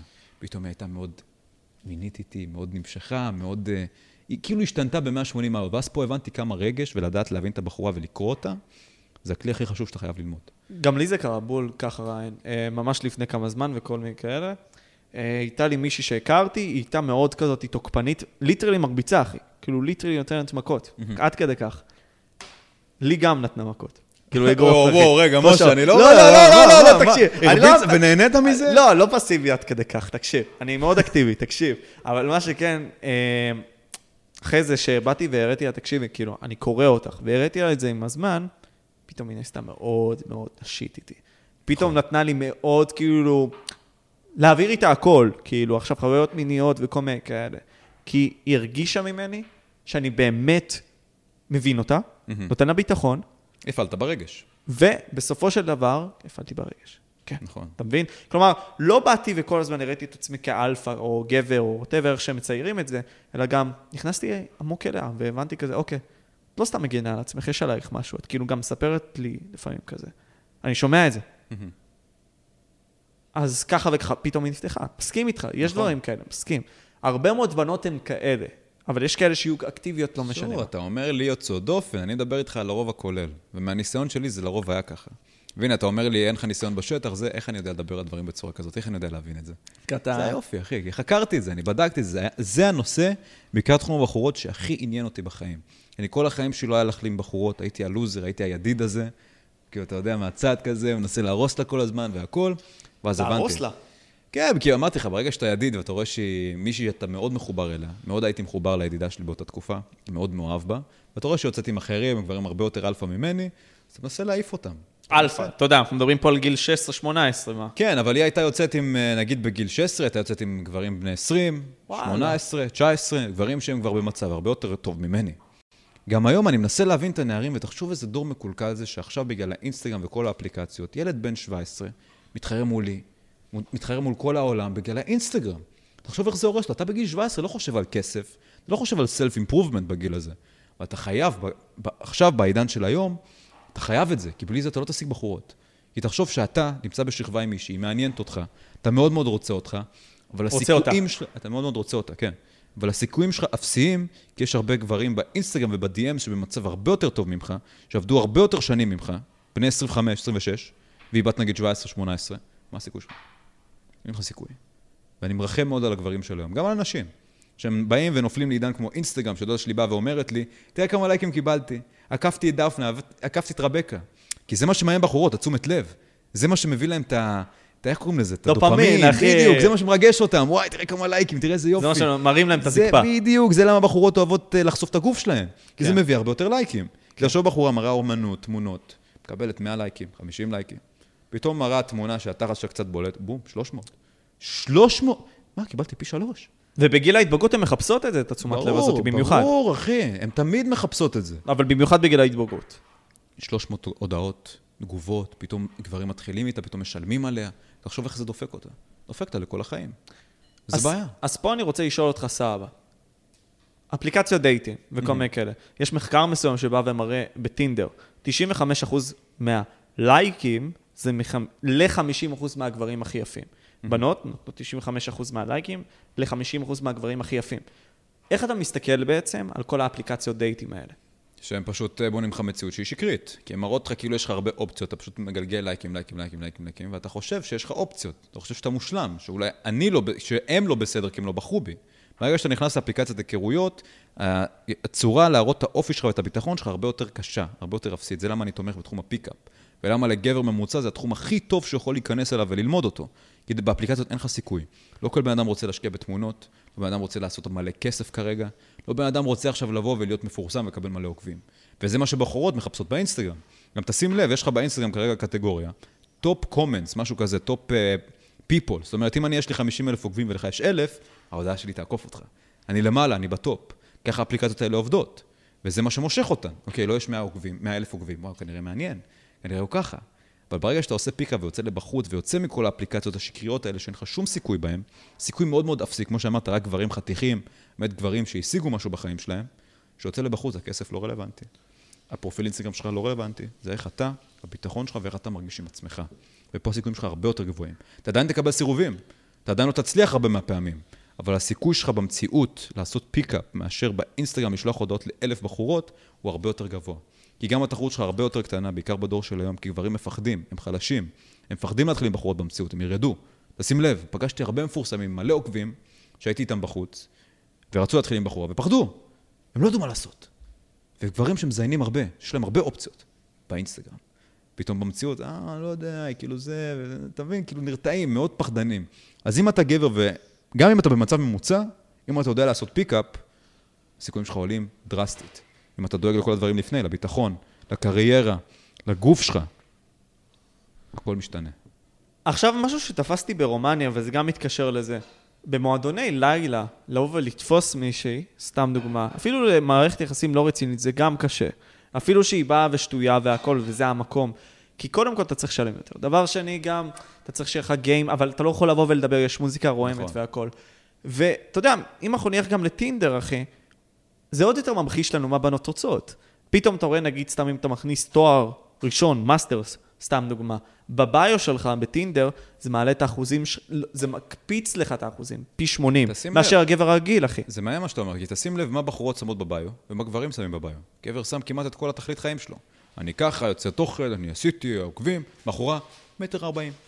אוהבת חתולים.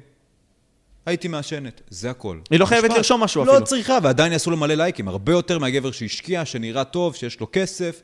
כל הדברים האלה מסביב, עדיין היא תקבל הרבה יותר לייקים. אז זה שהיא אמרה, אני אוהבת חתולים, או סתם שמה לב בזה. תשים לב להבדלים, אחי, הכל מול העיניים שלכם. הכל מול העיניים, ועדיין בחורות מעזות לבוא ולהגיד לי שהעולם של הגברים וחיי הדייטים של הגברים פשוטים כמו של בחורות.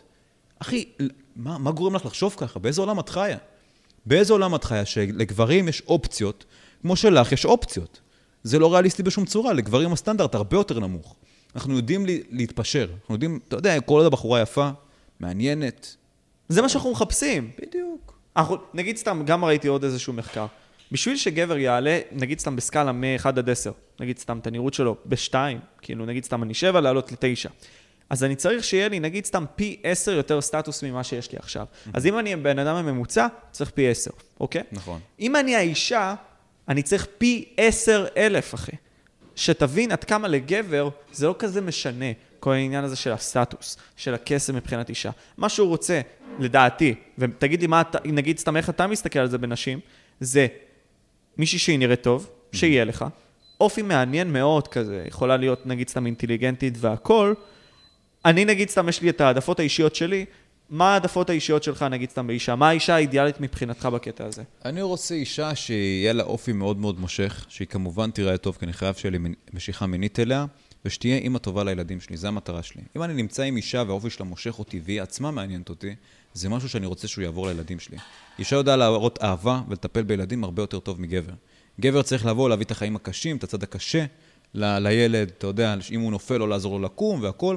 אישה צריכה להטמיע בו את האופי, את האהבה, את הצד היפה שלה, החמוד שלה, וזה מה שאני רוצה בבחורה. הקריירה שלה לא מעניינת אותי, אני אדאג לך. החוזק שלה לא מעניין אותי בשום צורה, העצמאיות שלה לא מעניינת אותי. כל עוד אני רואה בה שהיא יכולה לבוא ולטפל בילדים שלי ולגדל אותם בצורה הכי טובה שאפשר, זה מה שחשוב לי. לפחות אני אישית. מרוב האנשים שפגשתי, זה גם מה שחשוב להם. הרבה בנות אומרות לי, מה, אבל מה עם הקריירה שלי? מה עם הזה? אין בעיה, שיהיה לך קריירה, תהיי עצמאית, תהיי מה שאת רוצה. אבל כשיש ילדים, הם העיקר שלי.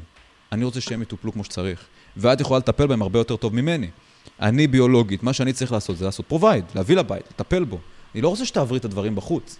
לא רוצה שתעברי את הקשיים שאני חווה. את הדברים שאני חווה, את הטראומות שאני עובר במהלך החיים שלי. אני רוצה שאת תהיי תמימה, חמודה, צנועה, שיהיה בך עדיין את הצד הרגשי הזה, בנוי בצורה טובה, ותעביר את זה לילדים שלי בצורה הכי טובה שאפשר. איפה הפיליפינית הזאתי שעושה מסאז' לאנדרו? למה אין לך כזאתי? בוא, אדריה, עושה לי מסאז'. תביא את המצית, אבל. תדליק לי, תדליק. זה הזאתי מדובאי. של מאיר פיסינגר. לכאורה. זהו, זהו, זהו, שרפת לי את הגרון. שרפת, ככה מדליקים סיגר. אני מת. סיגר לפחות טובה?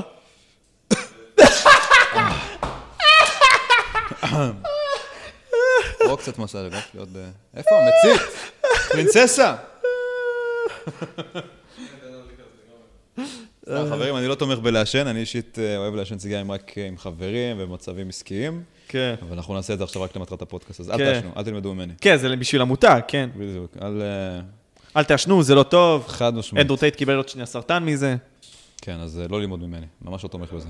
אתה מדבר איתי על סיטואציה שבו הגבר מביא את הלחם הביתה. זה נגיד האידיאל שלך, אני יודע את זה. אבל יש סיטואציה, בגלל מהפכת הגלולות, בגלל שנשים עצמאיות, לא משנה לי שזה לא מעניין אותך, אני מבין שזה לא מעניין אותך. אבל מציאות שנשים, הם יהיו האלה שיביאו את הכסף הביתה. מה לעשות במקרים כאלה, אתה אז מבין? כמובן שהכל משתנה. אם הבחורה משלמת 50-50, אז אתה כן, אתה צריך לקחת את התפקידים כמו לעשות כלים, לעשות הכל, הסיטואציה משתנה לחלוטין. אתה כן צריך לדבר איתה, כאילו לעשות איתה הסכם ולדבר איתה מה ברור, אתה לעשות. לא יכול, שוב, לבחורה יש שליטה מעצמה, אני לא אומר לך לשלוט ולשנות אותה ב-100%, היא עדיין עצמאית, אתה לא פה לכפות עליה, אנחנו ממש לא בעידן כזה. אבל היא צריכה מלכתחילה להבין שאם אני עושה provide, ואם אני נגיד מרוויח מיליון, אני לא צריך את החמש אלף שלה. זה לא מעניין אותי, סבבה, שיהיה לך קריירה, מדהים, תעבדי, שיהיה לך משהו בחיים. אבל כשיש ילדים ואנחנו פה לגדל דור חדש שבא מהדם שלי ושלך, רוצה שהם יגדלו בצורה הכי טובה שיש. זה באמת כזה אבסורדי לבקש את זה? לבקש מאישה לטפל בילדים ולגדל אותם בצורה טובה, להעניק אותם, הרי אני לא יכול להעניק אותם. אני לא מחזיק אותם תשע חודשים בבטן. אני אגיד לך מה, בנוגע לעניין הזה של נשים, שוב, בנוגע לנשים העצמאיות, אבל שוב, אחי, יש מלא כאלה שיהיו תחת נשים, נגיד סתם שהיא כביכול, יהיו האלפא במערכת יחסים. לא, יש ו- הרבה קשרים כאלה, גם אתה יכול להבין, אתה יכול מאוד בקלות להבין בקשר מי הדומיננטי ומי לא. אוקיי. יש שתי מקלות. אם אתה רואה שהמקל שנשען על המקן השלי הוא הגבר, זה אומר שהאישה היא הדומיננטית. אם אדם שהוא דומיננטי והוא באמת בשליטה בקשר, הוא יהיה זקוף יותר, הוא יהיה גברי יותר, הוא יהיה דומיננטי יותר. אז תשים לב, נגיד, אני רואה הרבה מפורסמות שיש להם גברים, ואתה רואה שהגבר נשען עליהם. כנראה כי הוא בסטטוס הרבה פחות מהן, הרבה פחות דומיננטי מהם, מקלקלות אותו, נמצאות במצב אחר. אז שוב, זה מאוד מאוד תלוי. אני לא רואה את עצמי בקשר כזה, אני לא רואה את הזווית העולם, הזווית העולם שלי לא בנויה מקשר כזה. ואני יודע שאני הולך להיות הדומיננטי. אני הולך לשמור על הבחורה, אני עושה הכל בחיים, ואני מקשה על עצמי ואני סובל בשביל להביא לך את זה. וכל מה שאני רוצה ממך זה שתדאגי לילדים, שתדאגי לי לבית. תביא לי אהבה. כשאני בא הביתה אחרי יום קשה, תדעי ללטף אותי, להבין אותי. יהיה לנו כיף ביחד. לפנק אותך גם. בדיוק, אני לא רוצה שתעבדי קשה ותריבי עם אנשים ותמכרי לאנשים, לא מעניין אותי, את רוצה לעשות את זה, תעשי. אבל כשאת איתי, תהיי איתי. תהיי אישה. תביאי את הצד הרגשי שלך, את הצד האוהב. אוקיי, אבל- אז בוא נסכם את הנושא הזה, כי פשוט הרבה מאוד אנשים גם רצו לשאול את זה.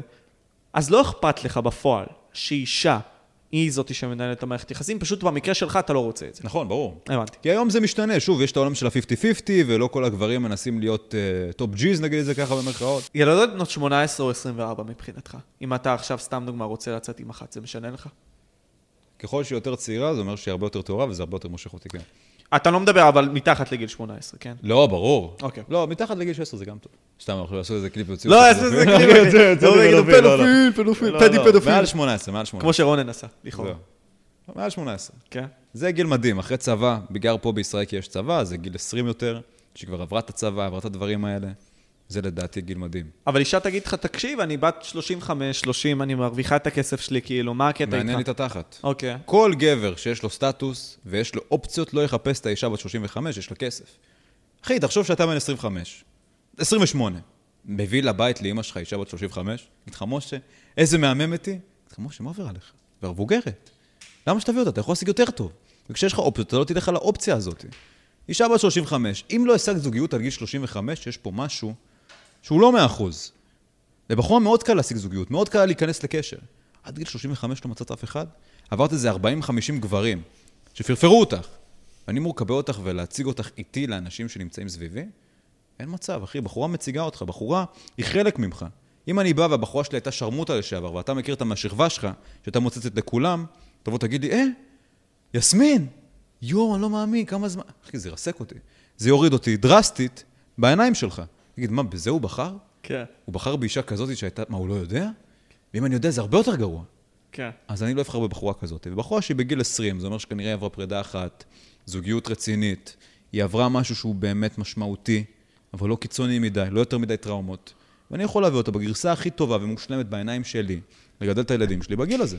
דיברת על אחריות, ודיברת על זה שאישה צריכה לקחת אחריות טיפה על המעשים שלה, כי הגבר במילא גם צריך לקחת אחריות עליה, נכון? נכון. כשאישה נאנסת, זו שאלה טיפה פרובוקטיבית. כשאישה נאנסת, היא צריכה לקחת אחריות על זה שאונסים אותה? אם היא עכשיו הולכת וואו, לסמטה זה, הזאת. זה מאוד מאוד תלוי, ואני אגיד כן, וזה יישמע פרובוקטיבי, ואני אסביר לך גם למה. אוקיי. כי אם את מתלבשת חשוף, וגברים בחוץ הם במצב רגשי, את תפעל בהם את הרגש בזה שהם יסתכלו עלייך. ורוב הבחורות לא לובשות חשוף בשביל עצמן, זה בולשיט. בחורות מחפשות תשומת לב, מחפשות יחס.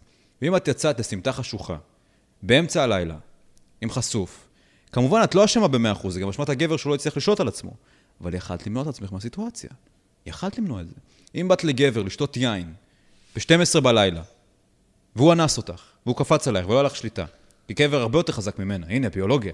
אין לך, אין לך סיכוי, לא משנה מה למדת. גבר שהוא באמת תוקפני, באמת במצב רעיל, אין לאף בחורה סיכוי מולו. אז למה שתהיי במצב כזה? למה שתכניסי את עצמך לסיטואציה כזאת מלכתחילה? אם את לא מעוניינת בגבר. עכשיו, אני לא אומר שרק היא אשמה. כמובן, הגבר צריך ללמוד לשלוט על עצמו. ואת יכולה למנוע את זה. את יכולה למזער את הסיכויים שזה יקרה. למזער את הסטטיסטיקות. אם את לא תתלבשי חשוף, גברים פחות יחשקו בך, בעיקר בחוץ. אם לא תלכי בסמטה חשוכה או תלכי למועדון חשופה, הסיכויים שיטרידו אותך הרבה יותר נמוכים. אם לא תלכי לגבר שאת לא מעוניינת איתו ולא מעוניינת לאינטראקציה מינית איתו ב-12 בלילה, את תמנעי את הסיכויים שמשהו רע יקרה. ברוב המקרים לא יקרה משהו רע, אבל יכול לקרות שכן, ואת מעלה את הסיכויים. את שמה את עצמך במצב שהסטטיסטיקה בו הרבה יותר מסוכנת. למה שתעשי את זה? את יכולה למנוע את עצמך מלעשות את זה. אז אגיד לך שהבחורה אשמה לגמרי? לא בהכרח. אבל יש מקרים שלדעתי יש לה חלק מאוד גדול בזה. וואו. אה, תשמע, אני אגיד לך איך אני מסתכל על זה. לבוא ולהגיד, שנגיד סתם, אישה בקיץ, שהיא באה והולכת עם מכנסי, מכנסיים קצרים, סבבה, ועם טנק-טופ בערב, זה השמטה שהיא נאנסת על פי זה, זה, זה די בעייתי לי וקשה לי בגרון לאכול את זה, אתה מבין מה זה אני לא... אומר? הש... תקשיב, זה פשוט מעלה את הסטטיסטיקה שזה יקרה לה. אבל אין בעיה, אבל, אבל אתה מבין, אני מבין את הביולוגיה.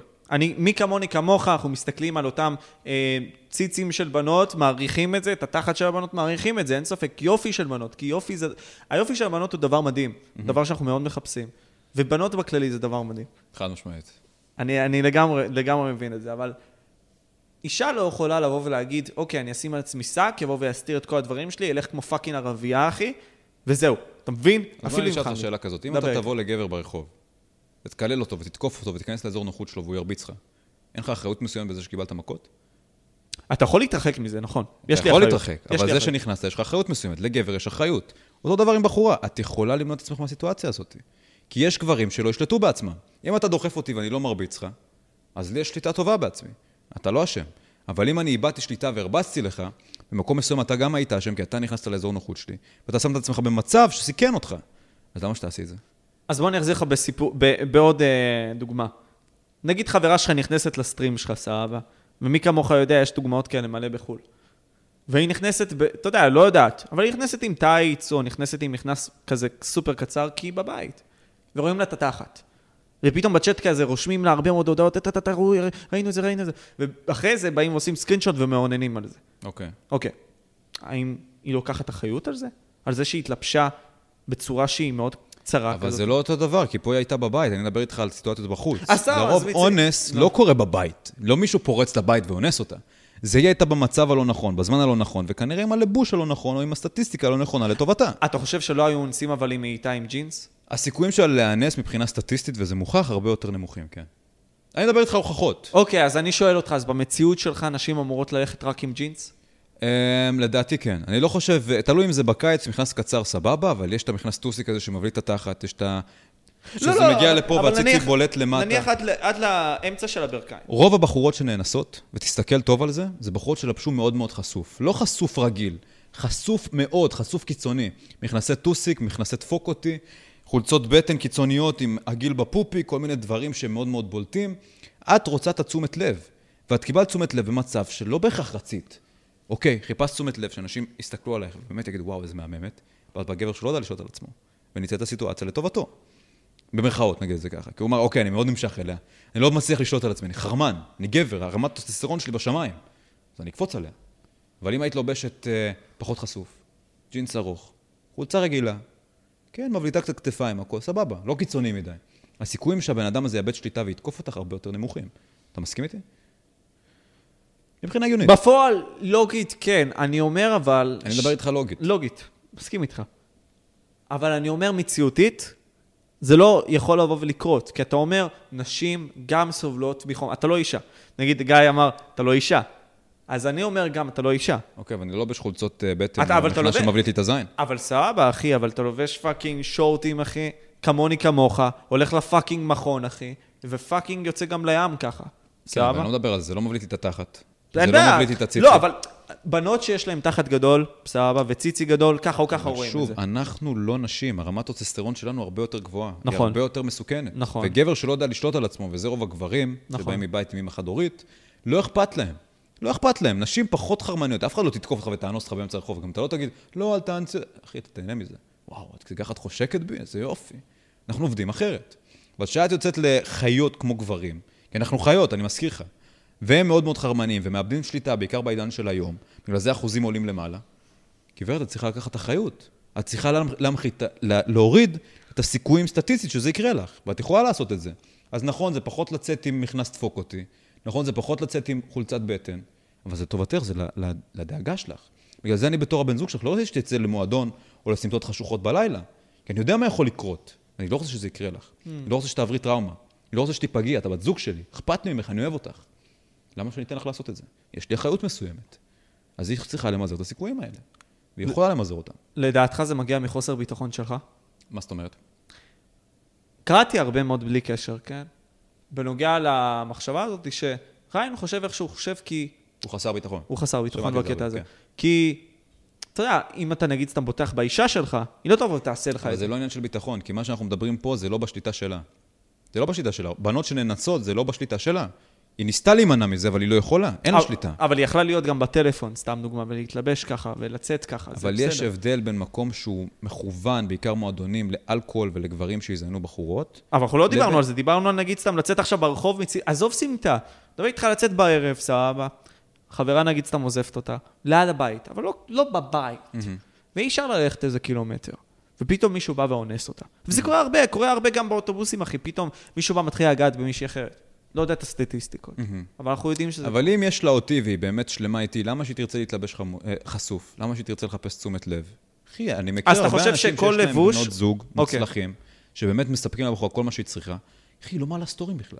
היא לא, היא לא רוצה לצאת אפילו עם חברות שלו. גם אם היא יוצאת, זה לרוב בבית, לרוב זה בחוץ, ומתלבשת מאוד מאוד נורמלי, לא מתלבשת קיצוני מדי, לא שמה יותר מדי איפור. זה לא מעניין אותה.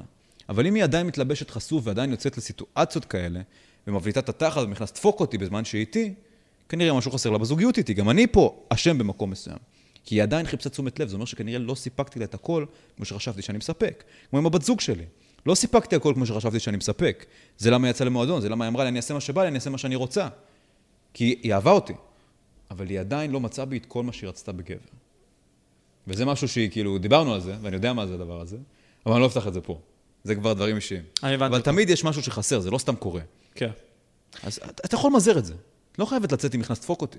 לא, הבנתי אותך, ריין, אבל אם, עוד פעם, אנחנו נותנים את הדוגמה הזאת שקיץ, אחי, וכל מיני כאלה, אתה אומר לי בסופו של דבר, האם כל דוגמה של מישהי שהיא לובשת קצר, זה בשביל תשומת לב? לא, אני לא דיברתי על זה, אני מדבר איתך על המכנס דפוק אותי ועל החולצות לא, לא, אני מדבר, אז אני נתתי את הדוגמה, אחי, של מכנס קצר, לא מכנס דפוק אותי וכל מיני אוקיי, גם לנו חם, למה אתה לא לובש חולצות בטן?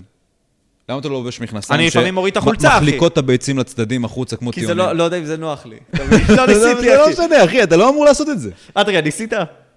היא יכולה ללבוש מכנס קצר, אבל היא לא צריכה מכנס שמבליט את התחת. ובחורות יודעות על מה גברים מסתכלים, בחורות יודעות שזה עושה להם טוב לתחת נכון. ולציצי. נכון. הן מודעות לזה. מסכים. אז פשוט תמנעי את זה בסיטואציות שזה לא מתאים. אם את הולכת לים בבוקר, הסיכויים שלך שזה יקרה הרבה יותר נמוכים, את יכולה ללכת חשוף. אם את הולכת בלילה, ללכת במקומות מסוכנים, יוצאת למועדון, תדאגי למזער את הסיכויים. תדאגי, למזער את הסטטיק... את הסט- את הסט- את הסטטיסטיקה, אח שלי. סעמק. את הסטטיסטיק... סטטוסט... אין לי כוח. פורש, אחי, לא רוצה.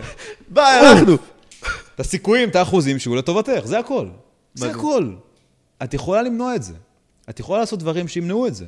כמו שאני מונע את עצמי מלהיפגע בזוגיות, שאני שם לב לנורות האדומות. כמו ידידים, ושיוצאת למועדון, מתלבשת חשוף. אני לוקח אחריות. גם את יכולה לעשות את זה. את יכולה למזער את זה. להגיד לך שלא תאנסי בכלל, אני לא יודע. יש משהו שעדיין, שעדיין תאנסי, אבל תעשית הכל בשביל להימנע מזה.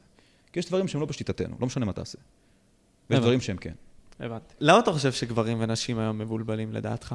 בגלל העידן של היום, בגלל הטיקטוק, בגלל שגברים יש להם גישה לפורנו, לבנות יש גישה להרבה תשומת לב, בי באמת לעבוד קשה בשביל זה, אותו דבר גברים, הם לא צריכים לעבוד קשה בשביל להשיג בחורות, הם יכולים פשוט לאונן. זה פשוט העידן של היום, זה פשוט איך שאנחנו מתקדמים, ואיך שהעולם מקדם אותנו כדי להיות חלשים. זה למה זה קורה. שים לב לזה, זה לא אמור להיות ככה. לגבר לא אמור להיות גישה לאלפי בנות בטלפון. לאישה לא אמור להיות גישה לכל הגברים בעולם. פעם אישה אם הייתה רוצה למצוא זוגיות, זה היה בחיפה, נגיד אני גר בחיפה. אז זה ריין מול כל הגברים בחיפה. אתה מבין? אתה לא חייב להיות עכשיו מולטי מיליונר ולנסוע בפרארי. אתה יכול לנסוע בקיה ספורטאז'. פי, אתה יכול. חמוד, מה? בואנה, בחיפה קיה ספורטאז'? מי זה? אין לו אינסטגרם. פתאום באינסטגרם יש לך, אתה נלחם מול כל העולם. אחי, אפילו הבת זוג שלי, אחי, הייתה מקבלת הודעות מאנשים מפורסמים בטירוף, שהרבה יותר מוצלחים ממני. הרבה יותר גדולים ממני. אחי, אם לא הייתי משיג אותה לפני ולא הייתי כובש אותה לפני שהיא קיבלה את ההודעות האלה, הסיכוי שלי היה אפסי. כי הם הרבה יותר אידיאליים בשבילה, הם הרבה יותר מושכים אותה, יש להם הרבה יותר סטטוס, הרבה יותר כסף, גוף הרבה יותר חטוב ממני. אחי, הסיכויים אפסיים. ובגלל כל התשומת לב, ובגלל שגברים מאוד מאוד עם הרבה אופציות, לא יבחרו בבחורה שהזדיינה הרבה, או יצאה עם הרבה גברים. כי שוב, זה מראה על חוסר תמימות, וזה מאוד מאוד חשוב לנו בתור גברים. זה חלק מאיתנו, שבחורה שהיא צנועה והיא בסדר, והיא באמת לא עברה יותר מדי בחיים. אחי, אז זה בעיה, כל הדור הזה דופק אותנו. כי אומרים לך, גם תסתכל בסדרות. אנו תה דיבר על זה. האישה תמיד פתאום היא חזקה, פתאום האישה יש לה הרבה יותר כוח, והכל, אחי, במציאות זה לא ככה. לאישה אין סיכוי. אין לך סיכוי מול גבר ברחוב, באלימות, בסיטואציות של כוח. את לא יכולה. ולמה מנסים לשלב את זה? למה מנסים להחליש אותנו ככה? אלוהים יודע, אחי. זה משהו מהאליטות שאני לא רוצה לפתוח, ואני לא יודע אם אני באמת מבין בזה במאה אחוז. אני כן חוקר על זה, אני כן יודע כמה דברים, אבל בינתיים זה ספקולציות. כן, אני, אני יכול? להבין את העולם הזה, אני פשוט... אה, זה הרבה יותר מסובך ממה שאנחנו אומרים, אבל לבוא ולהגיד... אה, אני, אני חושב שדווקא החופש מגיע מהגבולות, אחי. דיברתי עם מישהו שהוא דתי, רוצה לסדר לי איזה פודקאסט עם רב, ואמרתי לו, תשמע, אחי, החופש מגיע מהגבולות. כאשר יש לך גבולות, יש לך חופש. כאשר אין לך גבולות, יש לך כאוס. זה נכון. למה, נגיד סתם, אנחנו נמצאים היום בטיקטוק ובאינטרנט וביוטיוב, ואנחנו רואים, נגיד סתם, מלא תכנים שהם צפים אלינו. ובגלל שאנחנו לא שולטים על עצמנו, ואנחנו לא מגבילים את עצמנו, אנחנו אוכלים כאפה. אנחנו הולכים לתוכן הזה והזה והזה. עובר שמונה שעות, אחי. נכון? ואנחנו לא שולטים על זה, אתה מבין? וזה בדיוק זה, זה בדיוק זה. זה גם כל העניין הזה שהטינדר, כל פעם swipe right, טה טה טה טה טה טה. האופציות האלה לא נגמרות, אחי, ובול בול פה, ריין, בול פה. אנחנו צריכים להבין שיש לנו כל כך הרבה סירים. אולי צריך להגביל את הסירים שלנו, אתה חייב להגביל. את הסירים, נכון? זה מספיק. אנחנו יכולים לשים פשוט על מכסה אחד ולהסתדר איתו. אתה יודע, החברה החרדית, אנחנו הולכים על קיצון פה, אין מה לעשות. אבל החברה החרדית, הסיכויים להתגרש שם, ואין מה לעשות, בסדר, זה ש- כמובן פרוצדורות שונות, 4 אחוז. 4 אחוז מתגרשים. גם באסלאם ככה. עכשיו, למה זה ככה? כי אתה מנגיש בעצם בין אנשים שלא מכירים אחד את השני, והם בוחרים להסתדר, הם מוצאים פשרות, הם מבינים בעצם איך לבוא ולחיות את החיים ביחד. נכון. וזו הבעיה בדור של היום, גם בזוגיות, תשים לב כמה זוגות מתגרשים, כמה זוגות לא מסתדרים, לא מחזיקים יותר 50 מחודשיים. אחוז בערך. אחי, זה אבסורדי. למה? כי הבחור חושבת שיש לה עוד אופציות. היא קצת רבה עם הבן זוג שלה, הוא קצת מעצבן אותה, על הזין שלי, יש לי מלא גברים באינסטגרם, אני לא צריכה אותך. למה שתוותרי? את אוהבת אותו. הוא באמת רוצה אותך, באמת אכפת לו ממך, אבל בגלל האינסטגרם, בגלל כל השטיפת מוח הזאת, אתה חושב שיש לך הרבה אופציות, אחי, אכלת אותה. בחורות בעיקר אכלו אותה. זה למה בחורות נפרדות יותר מגברים, כי הן רואות שיש להן הרבה יותר אופציות. גבר נלחם על הזוגיות. גבר נפגע הרבה יותר מאהבה. ברגע שאתה אוהב מישהי ואתם נפרדים, ובגידה או דברים כאלה, משווים כאב של גבר להורה שמאבד ילד, שזה כאב דרסטי ברמות, וכאב של בחורה להורה ש... לילד שמאבד הורה. שהכאב הוא כאב, אבל הוא לא דרסטי והוא יותר נורמלי מאשר שאתה תאבד את הילד שלך. בגלל זה גברים שהם עוברים שברון לב, הם עוברים שינויים דרסטיים ברמות. זה כאב שאתה לא מבין, כי זה כמו הילד שלך. אתה מסתכל עליה כמו ילד, אכפת לך ממנה. אתה רוצה שהיא תהיה מושלמת, אתה רוצה שהכל, שהביטחון שלה יהיה בסדר, לדאוג לה, לאהוב אותה. אתה גם היית בזוגיות, אתה מבין את זה, אכפת לך ממנה. אז ברגע שאתם נפרדים, או אלוהים יודע מה קרה, אתה מתרסק. אתה מתרסק, אחי, זה, זה כאילו, הילד שלך מת.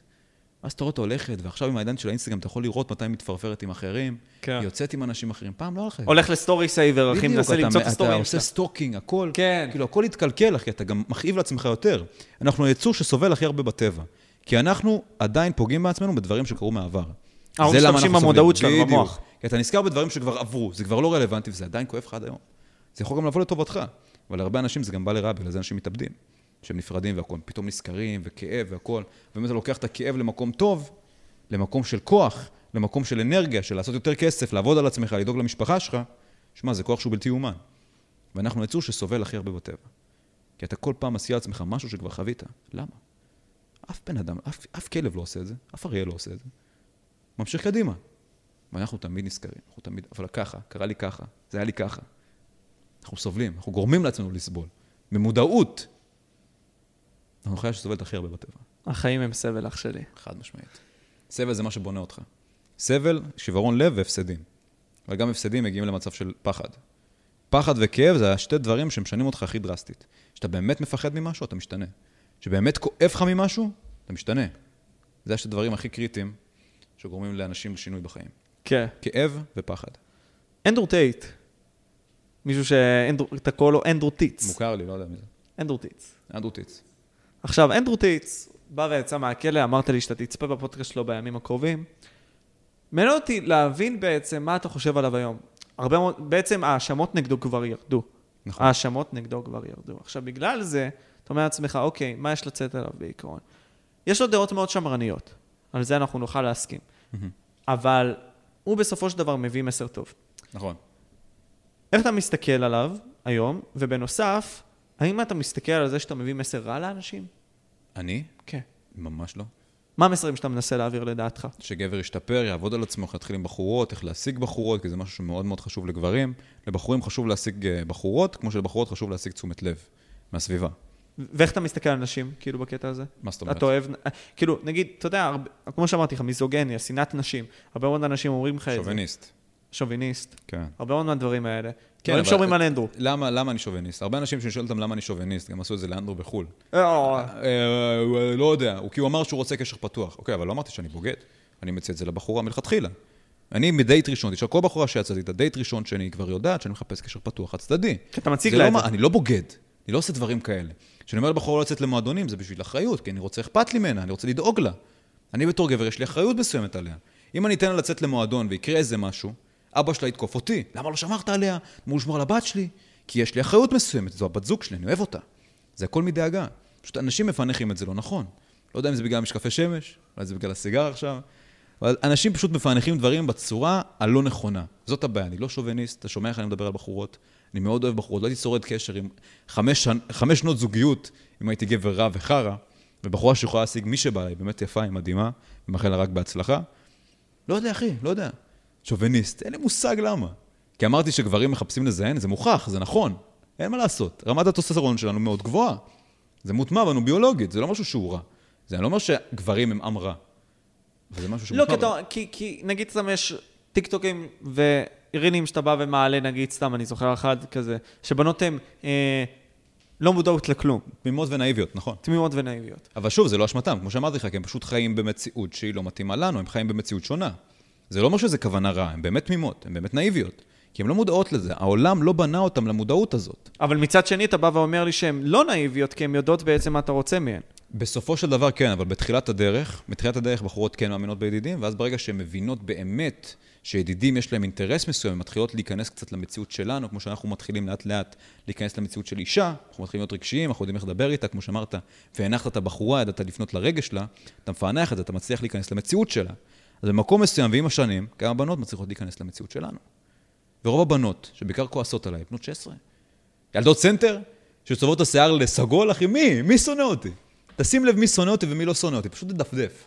נדיר מאוד. נגיד, היה בן אדם מאוד מפורסם, שאני מאוד מאוד אוהב, מאוד מאוד עשיר בישראל, שהביא לי ביקורת. וזה כן עניין אותי. הדעה שלו באמת חשובה לי. אבל אם אתה גבר שנמצא במקום הרבה יותר נמוך ממני, אתה מעלה, היו אנשים שמעלים uh, תמונות של קרטיבים, שמוצצים קרטיב ודברים כאלה, ואתה אומר לי, הוא לא יודע מה אומר, מה הוא מבין בנשים? אני אוהב את כאילו, אחי, אני לא אקשיב לך. אני לא אקשיב לך. אבל אם בן אדם נמצא במקום שאני כן רוצה להיות בו, כמו הבן אדם הזה, אני אקשיב לך. בוא תגיד לי, מה קרה? כן. מה עשיתי לא נכון? הוא אמר לי דברים מאוד מאוד נכונים, מאוד מאוד מעניינים. אבל זה מאוד תלוי. תשים לב מי שונא אותי ומי לא שונא אותי. אם אני אשים לב שרוב השונאים שלי זה אנשים שהם גבוהים, אנשים שהם באמת במקום שאני רוצה להיות בו, אני אגיד, אוקיי, יש פה משהו. אני לא יכול להקשיב לבן אדם שלא עשה כלום בחיים שלו. שיושב ומוצץ לי קרטיקים, אחי. ארטיקים, מה אתה מוצץ לי ארטיק? למה שאני אקשיב לך? מי מוצץ ארטיקים? לא יודע, איזה מישהו שהגיב איזה תגובה, תגובה חריפה, ומישהו מהגיא שלי הגיב לו, אחי, למה שהוא יקשיב לך כשאתה מוצץ ארטיקים? ואז אמרתי, אוקיי, בוא נראה את הפרופיל. אחי, אבסורדי! אבסורדי. תגיד לי, יש שתי שונאים לכאורה שאני אדבר עליהם, כן. מה אלי לוי? עכשיו, אחת מהן. נו, סתכל עליה. עכשיו, לא, לא, אני רוצה שנתעמק על זה. אני רציתי לעשות ביניכם פודקאסט, אוקיי? בזמנו. נכון. עכשיו אתה מחייך כי זה, זה באמת סיטואציה מצחיקה. מאיה, מאיה לי נתנה חלק uh, מההגדרות לדעתי לשיחה שהן היו די מעניינות, סבבה כזה, אוקיי, לא, אל תקלל אותי במישור האישי וזה. חלק, אמרתי לעצמי, זה מוגזם. מה, אתה יודע, הייתי נחמד אליה, באתי ואמרתי שהכל בסדר וזה. איך אתה מסתכל על מאיה לי, ואיך אתה מסתכל על כל ז'אנר הבנות שהולכות אחריה? כי בסופו של דבר, אתה יודע, זה שבטים, שבטים דיגיטליים כאלה שנוצרים. ומאיה לי חלק כזאת שיוצרת שבט כזה. איך אתה מסתכל עליה? היא פשוט בונה לעצמה מציאות שהיא לא באמת רוצה. כי בוא עכשיו נגיד, פורץ נכנס למאיה לי לבית, למי תתקשר? מי, מי תרצה שתבוא? לגבר שלה, אני מניח. לא, לגבר שלה, למשטרה, היא תרצה שגבר יבוא עם אקדח, גבר חזק, שישמור עליה. אוקיי. והיא פשוט מנסה להפוך את זה כי היא חושבת שבאמת עולם רגשי, ועולם שהוא גברים חלשים, ונשים שמנות, ונשים שלא דואגות לעצמם, זה עולם שהוא בריא. למה? כי היא נמצאת במצב כזה. היא מנסה להפוך את התירוצים שלה לסיבות, זאת הבעיה. אוקיי. היא רוצה לגרום למציאות שלה להיראות טובה. כי בנות לא יודעות לקחת אחריות, זה מה שאני מנסה להגיד פה. בחורה לא יודעת לקחת אחריות, כי העולם סולח לה, אתה רואה איך אנשים מוחאים לה כפיים, כמה קהל יש לה. אותו דבר כמו עם עידן אוחיון. הרבה מחאו לו כפיים, כל הכבוד, תהיה גאה במי שאתה, כמו שאתה. אחי, זו מציאות שהיא בולשיט. ייקח לדוגמה את אוקראינה, שפתאום היה מלחמה. אתה חושב שלא היה פמיניסטיות באוקראינה? בטח שהיה פמיניסטיות. למה הם לא נשארו להילחם? למה כל הבחורות ברחו? שאישור, שאמרו לגברים רק להישאר. האמת שאני לא יודע אם זה באמת קרה, אבל נגיד, אני זורם זה באמת קרה, את הגברים השאירו, ואת הנשים ואת הילדים הבריחו. לא שמעתי אישה שהתלוננה על זה. שפמיניסטית מכניסים אותה למועדון בחינם, או דואגים לה או משלמים עליה, לא שמעתי אותה מתלוננת, אני רוצה 50-50. בולשיט. הן פשוט מחפשות לעשות את העולם שוויון רק במה שנוח להן. וזה בדיוק מה שמאיה מנסה לעשות. בגלל שנוח לה שהיא שמנה, שהיא ממש ממש גדולה, והיא רוצה שיקבלו אותה בכל מקרה, כי היא לא מוכנה לעבוד קשה. היא לא רוצה לעשות שינוי, למרות שהיא באמת רוצה אותו. היא באמת רוצה אותו, אבל היא לא באמת באמת רוצה אותו. כי היא מנסה לגרום לעולם לקבל אותה כמו שהיא. כמו שאני אגיד לך, אני חושב, קח לדוגמה ערבים, זה קצת קיצוני. אבל ערבים, נגיד אלה שדוקרים אותנו והורגים אותנו, הם בטוחים שלהרוג יהודים זה קדוש. והם בנו לעצמם מציאות כזאת. אז ילד שבא והורג יהודים קיבל מציאות לא נכונה. כי בנו לו מציאות מאוד מאוד טובה, ואתה מהצד, איך אתה רואה את זה? מזווית רעה. אבל הוא בעיניים שלו הוא צודק, למרות שהוא לא צודק. וזה המצב של מאיה לי.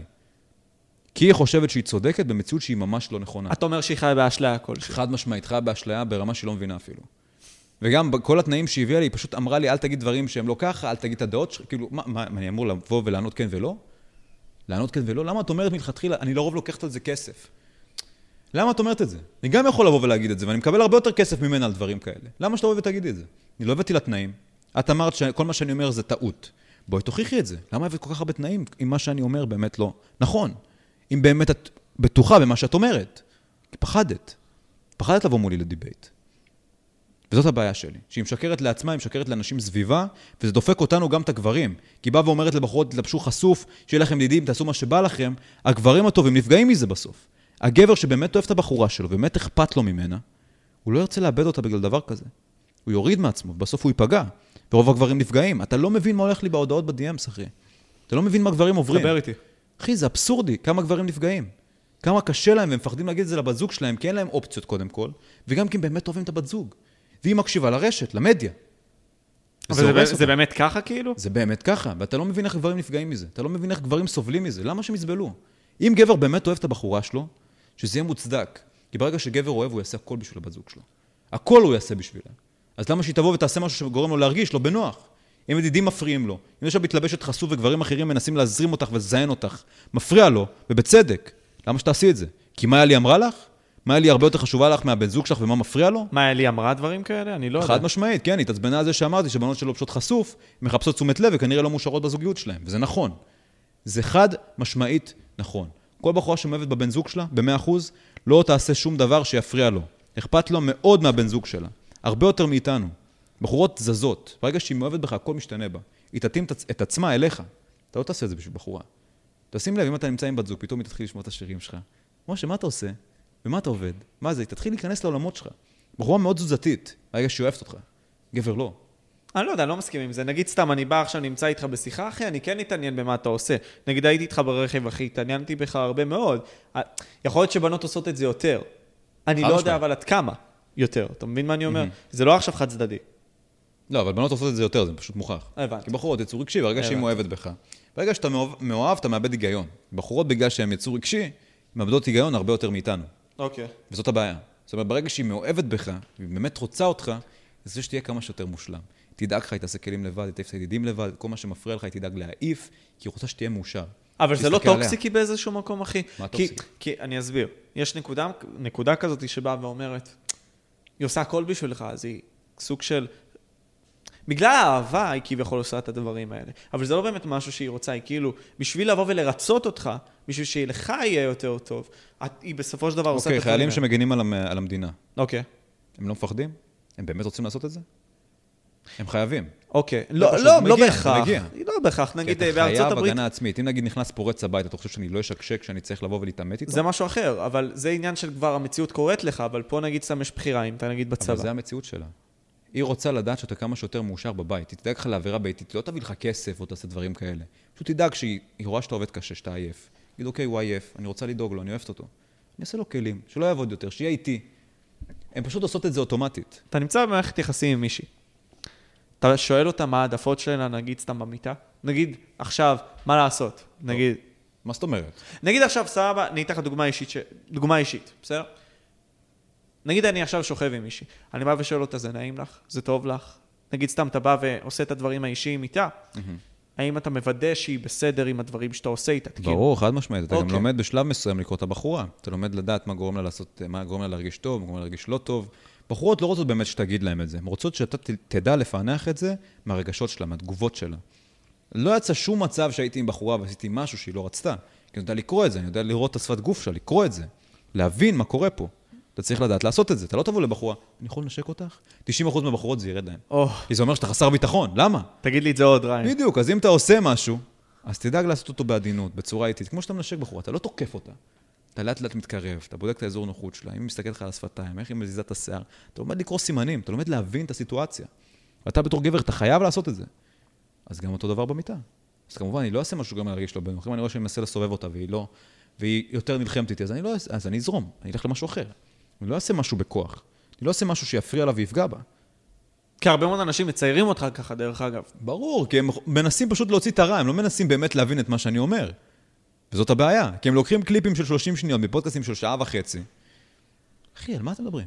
תראה את כל הפודקאסט, תראה את מה, מה המסר הכללי שאני מנסה להעביר פה. יש פה מסר גדול.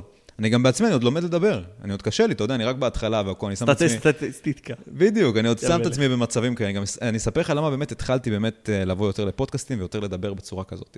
קודם כל כי פחדתי מזה. ברגע שאני מפחד ממשהו, אני רוצה להתגבר עליו. בעיקר בדבר כזה. חזק. אני אספר לך איך הכל התחיל. הלכתי לאיזה אודישן לסדרה מאוד מאוד אה, גדולה, סדרת ריאליטי, תדליק לי בבקשה את הסיכה. לסדרת אה, ריאליטי, ובאתי לאודישן. ושמו אותי עם שתי פמיניסטיות. שתי פמיניסטיות, אחי, קיצוניות. ואתה נמצא באודישן, הן, הן אמורות לשאול אותך שאלה, ואתה צריך לענות, הן לא אמורות להתערב. והם שאלו אותי שאלות, ואני אמרתי את הדעות שלי, את הדברים שאני באמת מאמין בהם, והם תקפו אותי. מה, מה יש לך, מה יש לך באמת להציע? כאילו, ממש השפילו אותי.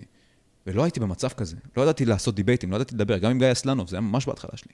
תשים לב להבדלים מהניסיון, פתאום איך אני מדבר, איך אני יודע להציג את עצמי. כן, אתה משתפר, אין ספק. בדיוק. אז, אחי, הייתי בשוק. הייתי ב... מה קרה פה? תוקפו אותי, ולא אה, לא הייתי במצב כזה. פשוט השפילו אותי עד עפר. ואז, מאז אותו יום, אמרתי לעצמי, אוקיי, אתה לא יודע להתמודד בסיטואציה הזאת, אתה לא חווית מספיק דיבייטים ודיבורים עם אנשים, אתה חייב ללמוד, להתגבר על הפחד ולעשות את זה בצורה הכי, טוב, הכי טובה שאתה יכול, כי מה שאני אומר בו, אני באמת מאמין בו. עכשיו, אני רק צריך להוכיח את זה, להציג את זה. אז בינתיים אני בדיבורים, עכשיו זה במעשים, אם זה בחורות, אם זה בכסף, אם זה בפיזיק שלי, אם זה באומנות לחימה שאני לומד ואיך שאני דואג לעצמי. אחי, ותראה את השינוי. השינוי כל כך דרסטי שאנשים כבר חושבים שאני דמות. וזה אומר שאני בכיוון מעולה. זה אומר שהשינוי שאני עושה והסבל שאני גורם לעצמי לעבור בשביל להשתנות ולהוות דוגמה לאנשים, עובד בצורה מעולה. שמח לשמוע בנוגע לזה, ונחזור גם למה היה לי בקטע הזה, כי אתה בעצמך היית שמן. לך במקום מסוים, אתה יודע, היו עוד דברים מסוימים, גם אני זוכר אמרת הפרעות אכילה כלשהם היו לך. נכון. כלשהם.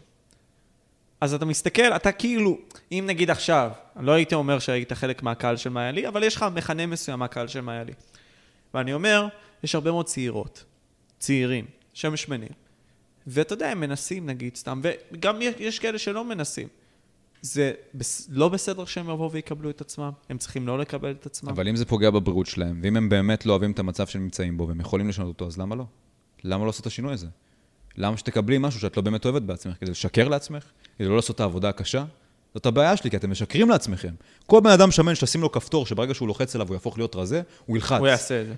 אוקיי, אז בגלל שזו עבודה קשה, אה, בסדר לי. לא באמת בסדר לך, אתה משקר לי. את משקרת לעצמך. וזאת הבעיה שלי, אל תשקרו לעצמכם. אם באמת, נגיד אני אומר הרבה לאנשים, אם אתה יכול לשנות משהו בעצמך, תשנה אותו. אם אתה לא יכול לשנות אותו, תלמד לאהוב אותו. בדברים האלה ניתנים לשינוי. אתה יכול לשנות את זה. אז למה שתאהב אותו אם אתה יכול לשנות את זה? אם אתה יכול להגיע לגרסה שאתה הרבה יותר אוהב בעצמך. כשאני הייתי שמן, אתה יודע איזה קשה היה לי להשיג בחורות שהייתי מלא? כמה? אחי, ברמה שאתה לא מבין. פתאום היום שאתה יוצא, ואני בפיזיק ואני מתאמן, ופתאום בחורות מסתכלות עליך. אתה רואה שכל הדינמיקה משתנה, הן מעריכות אותך הרבה יותר, הן שמות לב לאנרגיה שאתה משדר פתאום, ואתה עם עצמך מול המראה מרגיש הרבה יותר טוב, מרגיש מעולה. אז למה? בגלל שזה קשה, וזה היופי, זה החיים שאנחנו נמצאים בהם. זה, הסבל זה מה שבונה אותך, הקושי זה מה שכיף, התהליך זה מה שכיף. שים לב, כל בן אדם שמגיע לפיזיקה מושלם, הוא לא מפסיק, הוא רוצה עוד. הוא נהנה מהתהליך, אתה לומד לאהוב את התהליך. הרבה אנשים נהנים מההתחלה ומהסוף. אבל מה שחשוב זה התהליך עצמו. ב... אם תלמד לאהוב את התהליך, אתה תגיע למקומות שלא מבין בכלל. כאשר אתה רק מקבל את התוצאות, אחי, פה אתה מתחיל להרוג את עצמך, לאכול את עצמך. נכון. כי אתה אומר, פתאום זה היה קל. ואז אתה כאילו, אתה יודע, כל העניין, זה, זה באיזשהו ספר של uh, מישהו שקוראים לו אלבר קאמי, פילוסוף כזה. Uh, יש בחור בשם סיזפס, והכל דוחף אבן כזאת ענקית להר, דוחף אותה. זה, זה העונש שהוא קיבל, אחי, על דברים שהוא עשה. והוא אמר שהקושי לעלות על ההר יכול לבוא ולמלא את הלב של אותו בן אדם שעושה נכון. את זה. הקושי בסופו של דבר הוא הדרך, זה היופי, זה הדברים שאתה תספר. אז זה שהגעת להר, אוקיי, אתה מחפש תמיד מה עוד. אתה תמיד תחפש את האתגר נכון. הנוסף הזה, אחי. ופה אנחנו צריכים להבין שלדעתי גם אני מסכים איתך, אנחנו בסופו של דבר אלה שאומרים את הסיפור, את הסוף לסיפור הזה, שאנחנו מתעסקים בו. אז נניח, יש אה, נגיד סתם אה, סרטים, mm-hmm. מלא סרטים, שנגיד סתם אתה רואה את הסוף הטוב הזה, שהם נגיד מתנשקים וכל מיני כאלה, והם עוברים לגור ביחד, זהו, זה הסוף. אבל אנשים לא רואים שאחרי שלושה חודשים הם fucking נמצאים בחדר אחר. יש עוד תהליך, תמיד. כן, בדיוק, אחי. פשוט הסרט עצמו בא וסוגר את זה. אבל הוא ישן אחרי זה בספה, היא נמצאת במיטה, אחי, כי הם באו והתווכחו ורבו. נכון. אנחנו בסופו של דבר אלה שבאים ושמים סוף לסיפור. אנחנו בוחרים את זה. אין סוף לסיפור שלנו. אני חושב שסוף במרכאות, זה ברגע שבאמת השגתי הכל, מצאתי אישה מושלמת, אני במצב טוב בקריירה שלי, העסקים שלי עובדים כמו שצריך, אני מכניס כסף, אני טוב לי עם עצמי. וכבר השגתי מספיק, נגיד את זה ככה. זאת אומרת, יש לי פרסום, יש לי כסף, יש לי הכל. ילדים. זה לדעתי הסוף. ברגע שאתה מביא ילדים, זאת אומרת שאתה מוותר על עצמך במקום מסוים, כדי שילד יתפתח ויגיע למצב הרבה יותר גבוה ממך. זה בעיניי סוף, אם אתה אומר סוף. אבל בתכלס לחיים אין באמת סוף. אתה תמיד בתהליך, אתה תמיד בהשתפרות אינסופית, אין סוף לזה. ברגע שתשיג את הגוף המושלם, ואתה לא תתאמן, אתה תאבד אותו. אתה תמשיך להתקדם, תמשיך לרצות עוד, ועוד, ועוד, ועוד. ברגע שאתה נהנה מהתהליך, תתקדם הרבה יותר. אדם שמחפש רק את התוצאה, לא יתקדם כמוך. אם אני הולך כי אני רוצה להגיע לסוף, ובן אדם הולך כי הוא אוהב ללכת, הוא יעקוף אותי, הוא יעשה את זה בצורה הרבה יותר טובה ממני. תלמדו לאהוב, ת, תלמדו לאהוב את התהליך. זה למה הרבה אנשים מוותרים בסוף, אה, בהתחלה, סליחה, מקבלים את כל הדופמין, מוטיבציה, עכשיו אני רוצה, ואז מגיע התהליך והוא קשה. אוקיי, זה לא כיף לי. אבל זה החלק הכי חשוב. ברגע שנגיד אימונים, במקום לראות את זה כקושי וכואב לי, תחשוב שכל אימון שאתה עושה מפתח את השריר שלך הרבה יותר. אתה מתקדם, תהנה מהתהליך עצמו. זאת אומרת, כל פוש שאתה עושה, תדמיין את עצמך, וואו, זה הולך להגדיל לי את החזה, כי זה באמת מה שזה הולך לעשות. אתה תהנה הרבה יותר. תהנה מהתהליך, תבין שכל ראפ וכל חזרה שאתה עושה וכל סט, מקדם אותך לאן שאתה באמת רוצה להגיע. וזה מה שאתה צריך לשאוף אליו, התהליך. המטרה עצמה סבבה, אבל התהליך שעברת ואיך שלמדת ליהנות ממנו, זה מה שמביא אותך רחוק. זה מה שמביא אותך רחוק. ותשמע, אני אקח את זה עכשיו למקום לגמרי אחר. הגעת בסופו של דבר ביוטיוב, עם פדיקסול, להרבה מאוד מנויים, נכון. הרבה מאוד אנשים. היום כבר פחות מעניין אותך ערוץ פדיקסול עצמו, אבל בכללי. לך ריב עם רונן. לך ריב עם רונן, דיברנו על זה גם ברכב, על דברים מסוימים. ואני רוצה לשמוע אז... תמשיך. איך אתה אוכל את הסיטואציה עם רונן? כי כן, דיברנו, אוקיי, עכשיו היה את העניין הזה עם היום הולדת שלך, היה את העניין הזה עם הדיסים. עכשיו גם קרה דבר חדש. איך אתה אוכל את הבן אדם? שמע, הוא לא מעניין אותי בשום צורה. כל פעם שניסיתי, אתה יודע, לדבר איתו ולהיות חבר שלו, תמיד הוא חושב שיש לי אינטרסים, ואני מחפש את הקהל שלו, ואני מחפש את החשיפה שלו. אחי, אם אני מחפש את החשיפה שלך, למה פרשתי מהערוץ הגדול שלי? למה אני עושה דברים שלא מביאים לי חשיפה ועושים בדיוק ההפך? למה שאני ארצה את הקהל שלך? זה קהל שאני לא מחפש והוא לא רלוונטי לי בשום צורה. מה שאני ביקשתי ממנו ומה שתמיד ביקשתי ממנו, זה פשוט לשחרר אותי, לא להזכיר את השם שלי, ולא להוציא אותי בצורה רעה. זה משהו יותר מדי לבקש? ואז אתה בא ואתה אומר, וואי, בא לי לאגרף אותם, בא לי זה, אוקיי, אז בוא תוכיח שאתה יכול לעמוד במילים שלך. אתה רוצה לאגרף אותי, אתה חושב שאתה גבר, בוא תוכיח את זה. אוקיי, אתה לא רוצה להיות גבר במילים, אתה רוצה שנתחיל להראות תוכחות? בכיף, אחי. בכיף, ויש לי דברים מאחורי הקלעים שאני מעדיף בשבילו שהוא יסתום את הפה. והוא עושה את זה, הוא מקשיב. אבל אני לא יודע, רמת החוסר מודעות והאגו שהוא פיתח לעצמו, הוא פשוט פיתח לעצמו אגו דיגיטלי, שחזק רק בדיגיטל, אבל ברגע שהוא בחוץ, הוא מכופף. הוא פתאום, אוקיי, הגזמתי טיפה. אתה מבין, פתאום שבאתי והצפתי לו את הדברים בפנים, כי אתה באת ואיימת עליי, אמרתי, בא לי לאגרף אותם, את הקוקסינלים האלה, ואמרתי לך, אוקיי, הנה אני פה, בוא תאגרף אותי, אז אל תגיד את זה. אל תגיד את זה. אז אם לדעתך, אם היית רואה אותו עכשיו פיזית, איך הוא היה מגיב לדעתך? הוא היה מתקפל. ראיתי אותו הרבה פעמים פיזית, וכל פעם שפגשתי אותו, הוא היה מכופף, עם ראש למטה, והוא שם לב, והוא ידע שבסיטואציה הזאת הוא צריך לכבד אותי. אבל ברגע שהוא בדיגיטל ויש לו את העוקבים המזויפים שלו, ששמים עליו אלף זין, והוא לא מודע לזה, הוא מרגיש גבר. מרגיש, אוקיי, אני בטופ, יש לי 200 צופים, יש לי 200 זה, זה כיף לי. אחי, מה, אני, על הזין של הצופים שלך, אל תזכיר את השם שלי.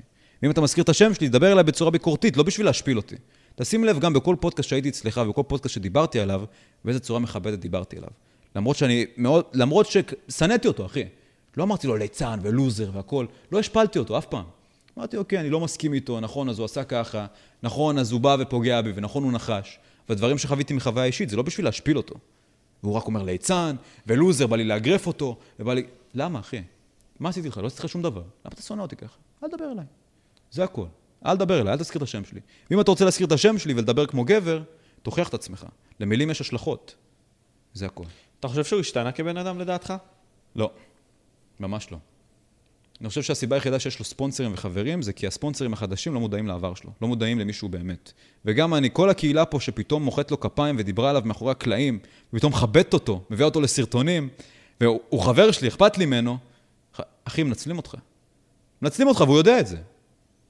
אני לא יודע, אני אישית לא אוהב את הבן אדם. ניסיתי לאהוב אותו, ניסיתי להתחבר אליו, כמה פעמים הזמנתי אותו לקפה, לבוא ולשבת ולדבר. אשכרה. ברור, אחי. אח, אני אשמיע לך הקלטות. שהוא אומר שבאתי וניסיתי לאגרף אותי ותמיד הייתי נגדו, בולשיט, אחי. שהוא אמר שרציתי לבטל את הדיס. אחי, כבר השקתי תאריך, כבר עשיתי הכל, הכל היה מוכן. אני לא יכול לבוא ופתאום, אוקיי, רבתי עם זיגי, אז אל תריב עם זיגי. אני כבר השקתי תאריך, אני לא אשנה את זה עכשיו. אתה יודע, יש גם את העניין הזה עם גל גמג, שכאילו גם היה לו סרטון שבה היה אמור לעלות, וגל גמג בא ואמר לו, אל תוריד אותו, כי תוריד את הסרטון הזה, סליחה. נכון, אמר לו, תשלם לי 2,000 שקל. והייתי בשיחה איתם, וישבתי איתו אחד על אחד. הוא אמר, אתה באת לעשות עליי דיקטטורה, לתפוס עליי גבר. לא, אתה לקחת ילד חסר אונים, שצחק איתך, ופשוט השפלת אותו, כי אמרת, רציתי דם לסרטון. אז אתה בא ומשפיל בן אדם ואתה הורס לבן אדם את הקריירה כי אתה רוצה דם לסרטון שלך? נו, תעשה לי טובה. הכל יש לי, הכל פה. הכל מוכן. למה אתה לא... אז, אז אוקיי, הרבה מאוד אנשים, בלי קשר בקהילה, באים ואומרים, יש לי הוכחות. נגיד, עם ניק דיברתי בפרטי אחרי הדרמה שלו, שלא כל כך נכנסת אליה, כי דיברנו על זה, אבל לא נכנסת אליה. היית בדובאי באותו זמן, כן. ידעתי. כאילו, ניק בא ואמר לי, יש לי הרבה מאוד הוכחות על רונן וזה. אז אוקיי, אם יש לכם הרבה מאוד הוכחות שהוא כביכול בן אדם רע, אה, למה זה לא מוצף? למה לא מדברים על זה כל כך? כאילו, או שזה יותר מדי העבר שלו ואתה לא רוצה להביא את זה, כאילו, לפה זה, מעניין. זה לא רק שזה העבר שלו, אני פשוט לא פה לפגוע לבן אדם בקריירה. הוא במצב מאוד מאוד טוב, הוא בין היוטיוברים הכי גדולים בקהילה, הוא כן. גם קנה בית, הוא גם מתחתן עוד מעט. הלוואי שימשיך לגדול. בהצלחה, אחי, מדהים. אני לא פה להפיל אותך, אני לא, אין לי שום מטרה להפיל אותך, אתה לא, אל תיכנס לי פשוט לדרך. אבל אם אני הולך בדרך מסוימת ואתה בא ועומד לי באמצע, אתה לא יכול לצפות ממני לא לתקוף אותך. אני פשוט אומר לך לזוז הצידה, תן לי להמשיך בדרך שלי, תן לי לעשות את מה שאני עושה. וזה הכל. אם אתה בא להשפיל אותי ולהגיד דברים לא נכונים עליי בצורה כזאת ובלייבים, אחי, אז סבבה, בוא נעשה את זה כמו שצריך. בוא תביא את ההוכחות אם יש לך הוכחות, אין לך כלום. אפילו בדיס שלך, אני רשמתי לך את הדיס. למה לא אמרת את זה? אשכרה? חד משמעית, אחי, אני יכול להראות לך הוכחות, הכל פה. אני רשמתי לו את ה diss, הוא בא ושאל אותי, ריין, אין לי מה להגיד עליך, תביא לי דברים. ובסוף הוא גם שיקר ב diss. הוא קרא לי פדופיל ב diss, הוא אומר, אבל זה diss, מותר לי. אוקיי, אם אני הייתי קורא לך פדופיל ב diss, אתה חושב שרונן היה שותק על זה? הוא לא היה שותק על זה בחיים. הוא בא וחשף משהו, הייתה ילדה שפנתה אליי על איזה יוטיובר, והיא לא רצתה לחשוף את זה בסוף. היא אמרה, אוקיי, אני לא רוצה, זה לא נעים לי, בבקשה, ריין, אל תחשוף את זה.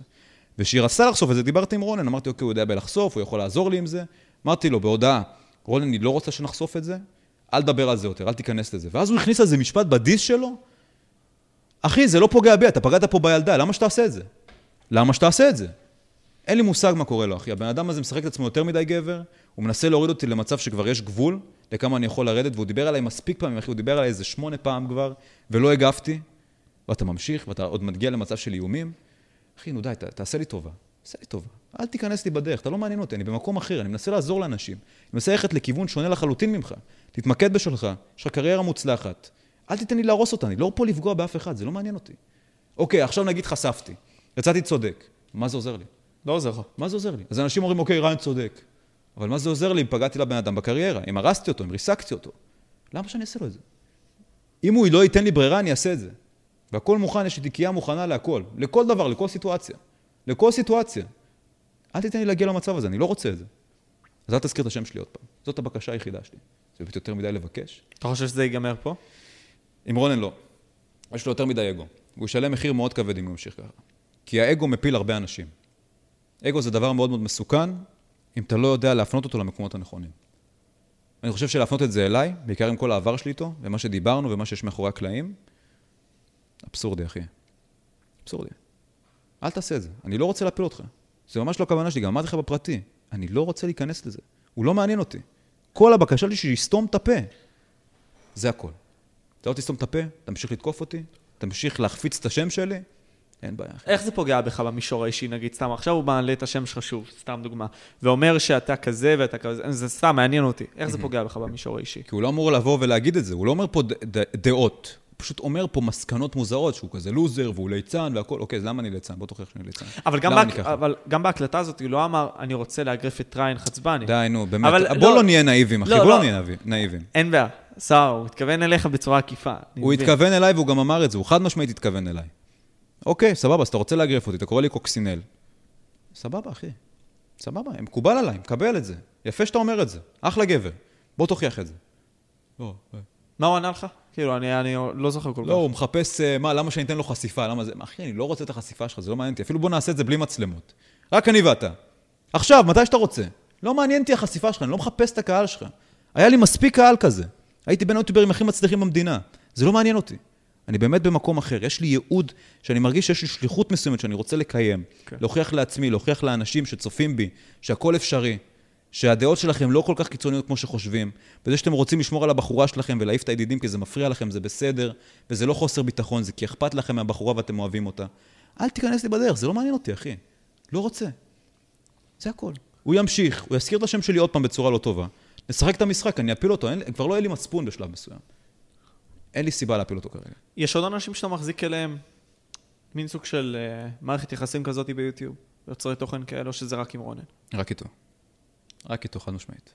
אני לא רבתי עם אף אחד. לא חושב שיש מישהו ששונא אותי, ואם כן, אז אני מתנצל ואני אשמח לדבר איתכם בפרטי ולשבת על קפה, כי רונן לא רוצה לשבת על קפה. אחי, אני לא פה, אני לא רוצה שאף אחד ישנא אותי, אני לא פה לשנוא את אף אחד, אני לא פה לפגוע באף אחד. לא יודע, תן לי מצב שניסיתי להפיל מישהו, שניסיתי לפגוע במישהו. קשה לי... בחיים לא, אחי. שתפסתי תחת על מישהו, שהשפלתי מישהו. בסופו של דבר, אתה יודע, נגיד כשיוצאים עליך בתגובות, זה כדי להגן על עצמך, אני מניח. אתה מבין? אז כאילו, אני לא חושב שיש פה סיטואציות שאתה בריון. לא, אני ממש לא מחפש להיות בריון, אני לא מחפש להיות מעל אף אחד, לא מחפש uh, כלום. גם פה אומרים, אתה מתנשא על רונן, אתה זה. אני לא מתנשא, זה הוא התחיל את זה, הוא נכנס מולי ראש של ראש. כמו שאני אדבר על מייק טייסון. אני לא משווה את עצמי למייק טייסון, בוא לא נגזים. אתן לך דוגמה. אוקיי, היפותטי. בוא נגיד לגוזלי. אחלה גוזל. אחי, אני אקבל, מה- הוא יפרק אותי, למה שאני אעשה את זה? אני אדע מלכתחילה לא להיכנס לפינות האלה. למה שאני אעשה את זה לעצמי? אחלה גוזל. בשביל האגו שלי? כן. אבל האגו שלי לא מוצדק פה. אז למה? יפרק אותי. אם אני אגיד לו, וואי, בא לי לאגרף את גוזלי, בוא לזירה. מה הוא יפרק אותי, אחי, נראה לך? אני איתו בן לזירה, 50, אני אכנס אחי. איתו לזירה, אני אישית, כן, אני אעמוד במילים שלי. כן? חד משמעית. אם אמרתי דבר כזה, חד משמעית אני אכנס איתו לזירה. גם אם אני אפרק אותי, זה שנכנסתי לזירה יגרום לי להרגיש מספיק טוב עם אין עצמי. ספק. אני כי מסכים. ברגע שאתה עושה דברים שאתה אומר, ואתה מוכיח לעצמך שאתה עומד במילים שלך, זה משפיע פה, בתת נכון. מודע. זה גורם לך להרגיש עם עצמך שאתה מסוגל להכל. בדיוק. וזה חשוב לי. אני מקבל. רצית לדבר איתי על הצבא. כן, על חזרתי, צה"ל. חזרתי, אתה יודע, עם מדים וכל מיני כאלה וזה, וסתם כאילו זרקת את זה. מה ההסתכלות שלך על צה"ל? לזרוק את הסיגר. הרבה מאוד אנשים, רונן, בדוגמה, באו ואמרו, אתה יודע, יש את היוטיוברים האלה שלא עושים צבא. היוטיוברים האלה שלא מתגייסים, שעושים הכל בשביל אה, להיות יוצרי תוכן מצליחים, ולא משרתים את המדינה. בזמן שרונן כן היה שם, סתם. דוגמה. אבל רונן דוגמה אנקדוטית, יש כאלה עוד הרבה מאוד שאומרים את זה. איך אתה מסתכל על צה"ל? ובדוגמה האישית שלך גם, אני מאוד בעד צה"ל, בעיקר במדינה שלנו, שאנחנו מדינת אה, אויב. זאת אומרת, תמיד מנסים לתקוף אותנו, תמיד מנסים להפיל אותנו. אני חושב שזה מאוד מאוד חשוב שיהיה צה"ל. אבל מה שמפריע לי בצה"ל זה ההתייחסות שלהם לחיילים שלנו. אם זה המשכורת ש... אתה יודע כמה זמן לקח להם להעלות משכורת לחיילים? האוכל שהם אוכלים. התנאים שלהם, למה? זה אנשים ששומרים על המדינה. גם תשים לב, למה בן אדם צריך לבוא ולשרוף את עצמו בשביל לקבל כסף, לקבל תרופות על דברים שהמדינה גרמה לו? כי הוא אהב את המדינה, הוא רצה לשמור עליה. אבל בגלל שכרגע הוא לא מספק שום תועלת למדינה, לא אכפת להם ממנו. וזאת הבעיה שלי. שאם יש לכם חיילים שהגנו על המדינה שלכם, תדאגו להם באותה צורה, תראו להם שבאמת אכפת לכם. על- למה כולם שונאים את צה"ל? למה כולם נגד צה"ל? מה קרה? על מי אתה מדבר בדיוק? אתה מדבר על פוסט-טראומטיים כאילו? כן, פוסט-טראומטיים, או אנשים שחוו דברים, או אנשים שעברו דברים שלא עלינו, ואני, מאוד כואב לי עליהם, אני מאוד אוהב את האנשים האלה, הם- בזכותם אנחנו פה, וזה בעיה, אחי. זה בעיה שהמדינה לא דואג לחיילים שלנו, למה הם לא מצליחים לאכול? למה מביאים להם חרא אוכל? למה חבר שלי צריך ללכת לבקו"ם בשביל לקנות אוכל, מהכסף שגם ככה צה"ל בקושי מביא לו? ולמה מעלים מחירים לאנשים מסביב, לדתיים והכול, ולחיילים שלכם, אתם נלחמים לא להעלות להם את המחירים? זאת הבעיה שלי עם צה"ל. הצה"ל עצמו בתור סיסטם מדהים, אנחנו בין המדינות הכי חזקות בעולם. אבל תביאו יחס ראוי לחיילים שלכם. אתה יודע כמה חיילים מתים שאנחנו לא יודעים עליהם, שלא מקבלים שום יחס, כלום, פשוט מתו? אבק, עפר. ככה זה מלחמות בכללי, אף אחד לא מת גיבור. אף אחד לא מת מגור- גיבור במלחמות, אתה פשוט פיפס קטן מתוך uh, תעשייה גדולה, מתוך מערכת גדולה. לפחות שיקבלו את הכבוד הראוי שלהם לדבר שהם באים ומקריבים למדינה. זאת הבעיה שלי. עכשיו באים ומדברים על צה"ל, אני לא התגייסתי כי היה לי בעיה בריא- בריאותית, יש לי כתף מתפרקת. אז לא יכלתי קרבי. ולא הייתי מוכן לבוא ולשבת במשרד כמו איזה... לא יודע, לא אוהב, פחות מתחבר. אז עשיתי שירות לאומי. הלכתי, הייתי מורה בבית ספר יסודי, חצי שנה. עשיתי הכל בשביל לעבור את זה ולהיות שם כמו שצריך, ואז הפרסום שלי הגיע. ובסוף יצאתי מזה. ואני מאוד מעריך את צה"ל, אני חושב שצה"ל זה מערכת מאוד מאוד חשובה להרבה אנשים, בעיקר כשהם רוצים לעבור התפתחות אישית, וזה מוציא אותך מהאזור נוחות שלך, ואני רוצה שצה"ל ידאגו לאנשים לתנאים שבאמת מתאימים להם, לתנאים שמגיעים להם. זאת הבעיה שלי. גם הרבה אנשים מתאבדים, אחוזי ההתאבדות עולים. כי אתם מכניסים אנשים שלא לא באמת מתאימים לזה. נראה לי, כאילו, לא, אני לא יודע, יכול להיות שאני טועה פה, אבל מ-2018 אין נתונים אפילו על התאבדות בצה"ל, נראה לי. מהמם. 2019, למה? משהו בסגנון הזה. למה? שאלה? טובה, אני לא יודע. לא יודע, זאת הבעיה שלי, זאת הבעיה שלי. וגם, אה, נגיד רונן בא ואמר, הוא לא התגייס, וקודם כל כן התגייסתי. כן הייתי בשירות לאומי, נכון, זה לא גיוס רגיל, אבל לפחות לא השפלתי חיילי צה"ל. לא דיברתי עליהם, לא דיברתי על החיילים שמתו, הוא יודע טוב מאוד על מה אני מדבר. מה הכוונה? היה איזה סרטון שלו לפני איזה שלוש שנים, ארבע שנים, שאוקיי, אולי זה מעבר שלו, אבל דבר כזה לא יוצא סתם, זה אומר הרבה על האופי של הבן אדם. ששם הוא אמר ש... אתם יודעים מה היה המילה האחרונה של חייל שמת ביום הזיכרון? תעשו סאב לרונן. ויצאו עליו על זה. יצאו עליו, אתה יודע איזה סרטון קיצוני זה? ואני בתור אחד שאולי, בסדר, לא התגייסתי לקרבי או לצה"ל עצמו. אחי, זה, זה, זה גרם לי לחלחלה, זה היה זוועתי. מה אתה אומר? זה גרוע לבוא ולהגיד דבר כזה. למה אתה אומר את זה? אתה בא ואתה עוד מעז לדבר עליי? אחי, די, תהיה מודע לעצמך, שיהיה לך קצת מודעות לעצמך. אתה בא ויורד על אדיר, אדיר אלעד ובינתיים אתה יותר חסר מודעות ממנו. די, אחי, אל תגזים. זהו. לא רוצה להזכיר את השם שלו יותר. שיהיה בשלו, שיהיה לך בהצלחה, מזל טוב על החתונה, שרק תעלה ותצליח, שתצליח אמן. לסגור את המשכנתה לבית. אל תיכנס לדברים שלי. אל תיכנס. כי יש מחיר לכל מילה ולכל הפניה שאתה מפנה אליי בצורה לא טובה. זה הכל. פה נגמר הסיפור. בדוק, בדוק. רונן. איזה חוויות קשות חווית בחיים, אחי, שעיצבו אותך להיות מי שאתה? כי, אתה יודע, אני רואה אותך בן אדם כזה, בטח חווית הרבה מאוד חרא. כולנו, בסופו של דבר, אבל חווית את החרא שלך, אתה יודע, להיוולד בלי אבא זה גם משהו. לא, נולדתי עם אבא, הסיפור לא, לא. אבל לא, הכוונה היא ש... כאילו, בגיל ובאמת מתי שהיית צריך אותו, הוא לא היה שם. נכון. זאת הכוונה. אמ, מה חווית, אחי? מה עיצב אותך להיות מי שאתה? העולם פשוט נבנה בצורה מאוד מאוד איטית. זאת אומרת שעד גיל 18, שהייתי בבית של אימא שלי, הכל היה כזה מפונק, וקיבלתי מה שאני רוצה, והכל היה מגיע אליי אה, בכף זהב, נגיד את זה ככה. ואז ברגע שהפכתי להיות עצמאי ויצאתי מהבית, פתאום אתה חוטף כאפות. אתה מבין שאתה לא מי שאמרו לך שאתה. לא באמת מגיע לך מה שאתה חושב שמגיע לך. אתה לא אמור להיות רגשי ככה, יש לך יהודים הרבה יותר שונים ומטרות שונות ממה שאימא שלך קבעה, קבעה לך מהמציאות שלה. וזה בעיקר מה ששינה אותי. אתה יודע, פתאום אנשים מתים מסביב, אתה רואה דוד שלי, אתה רואה אנשים.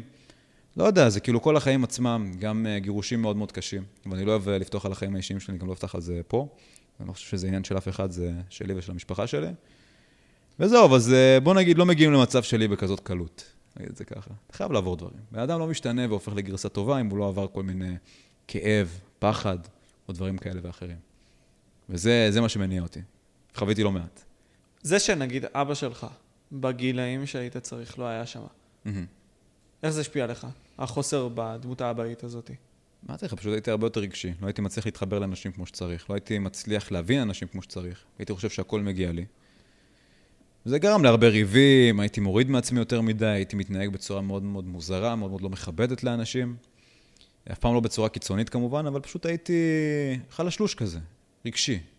פחות אהבתי זה, פחות מתאים למה שבאמת רציתי מעצמי. וזה בעיקר מה שינה אותי. אמרתי לך שברגע שאתה עובר לגור לבד ואתה מבין שאתה לא יכול לישון והבעיה תיעלם, אתה צריך להיות אחראי ואתה צריך לעמוד בדברים שלך, או כשאתה יוצא עם בחורות, אתה לא יכול להגיד להם אני מושלם והכל כי אמא שלי אמרה לי, אתה צריך להוכיח את זה, צריך לבנות ביטחון, לבנות כריזמה, לבנות סטייל, לבנות uh, ביטחון כלכלי מסוים, כי זה ביטחון כלכלי, מה שחשוב בו זה לא רק הכסף, זה הביטחון שהוא מביא לגברים. כסף עצמו לא מעניין, אם יש לך 10 מיליון או מיליון, לבחורה זה לא משנה. זה מה שהוא גורם לך להרגיש.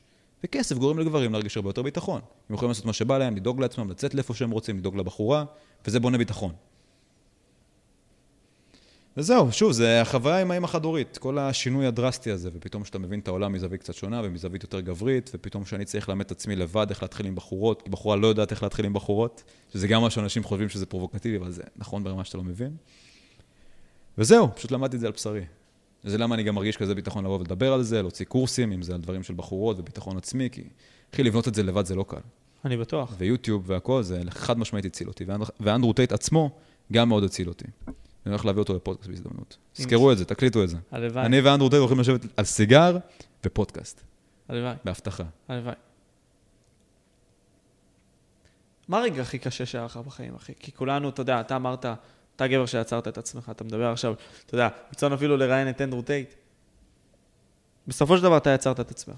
מה הרגע הכי קשה שבו אולי בנה אותך? מצבים שמצאתי את עצמי לבד, בלי עזרה. זאת אומרת, מצבים שאמא שלי לא יכלה לעזור לי בהם.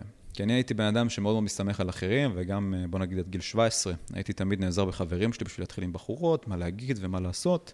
ואז קרה איזה, פיצו, איזה פיצוץ מאוד מאוד גדול, שהפסקתי לדבר עם החברים האלה. ואז פתאום אתה מוצא את עצמך לבד, פתאום אתה צריך להתחיל עם בחורות לבד, ואמא שלך לא יודעת איך לעזור לך. אתה צריך להצליח לבד, אמא שלך לא יודעת איך לעזור לך. אתה פשוט מוצא את עצמך אבוד, תופס את השיער, אחי, בפאניקה, מה אתה עושה? מה אתה עושה? ואז אתה לומד להיכנס לשליטה. אומר, אוקיי, עכשיו אני לבד. אין פה אף אחד לעזור לי. מה זה אומר? שאני צריך ללמד את עצמי איך לעשות את הדברים הנכונים. איך ללכת לדרך הנכונה, לדרך שאני כן רוצה לעצמי, להצלחה שאני מאחל לעצמי.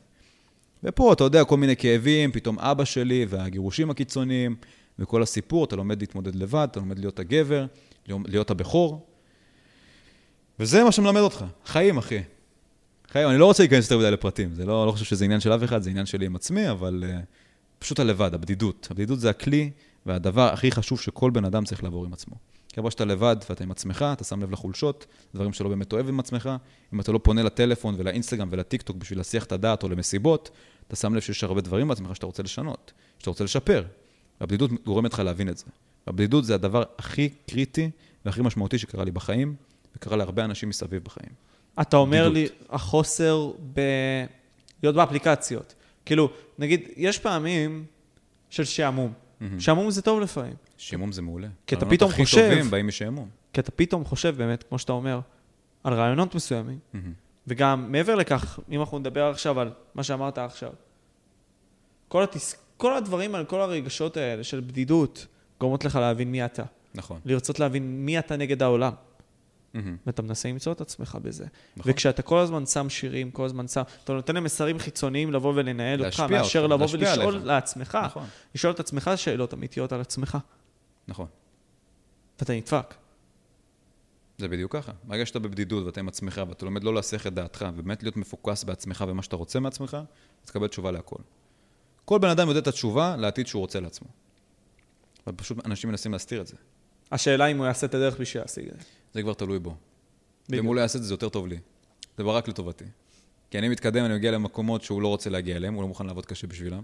אוקיי, יותר בשבילי. לא מתלונן. שלוש, שאלות, שלוש שאלות אחרונות. מה היית אומר לריין בן ה-17? כאילו אם היית עכשיו יכול לבוא ולתת איתו שיחה של דקה. שהכל יהיה בסדר. אל תוותר, הכי חשוב. אני דואג לך.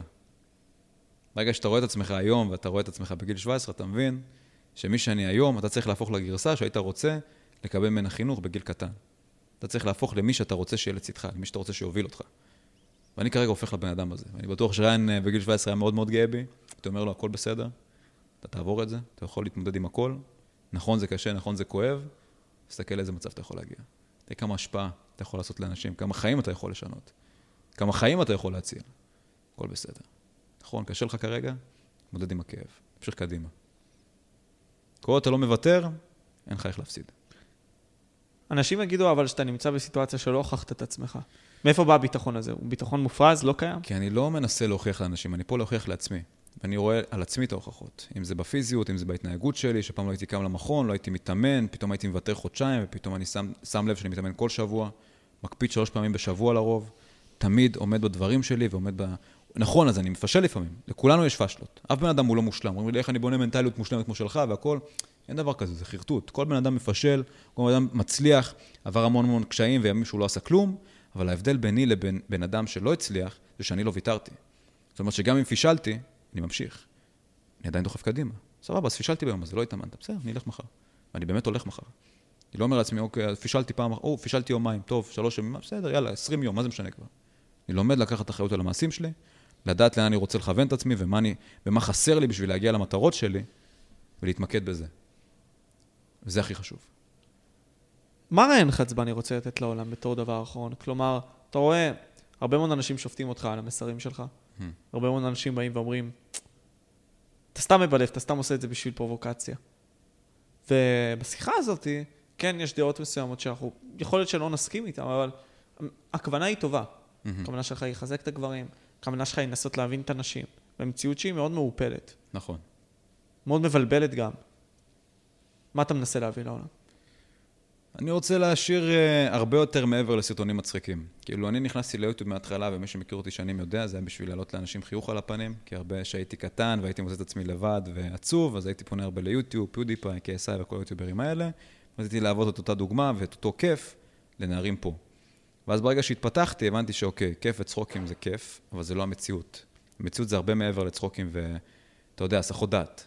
אז אני רוצה להביא את הצד הזה, אני חושב שכן חסר פה קצת אה, איזה מודל גברי שבאמת יבוא ויביא דעות קיצוניות לאנשים, אה, דעות שהן מאוד שונות ממה שמנסים לקדם פה היום, וזה שאנשים באים ויכולים להיעזר בי, ופתאום אני רואה אנשים שמנים משנים את החיים שלהם ומבינים שהסיבות שלהם הם לא באמת סיבות וזה באמת תירוצים, ורואים אותי כדוגמה, אם אתה תסתכל על הסרטון שלי מלפני שנה וחצי וסרטון שלי מהיום, אחי, זה הבדל שהוא דרסטי.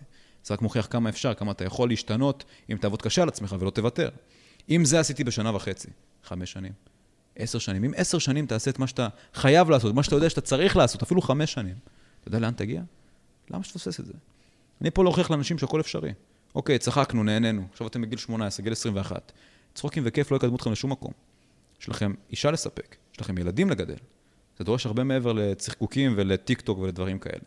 אז אני רוצה להביא את הצד הזה.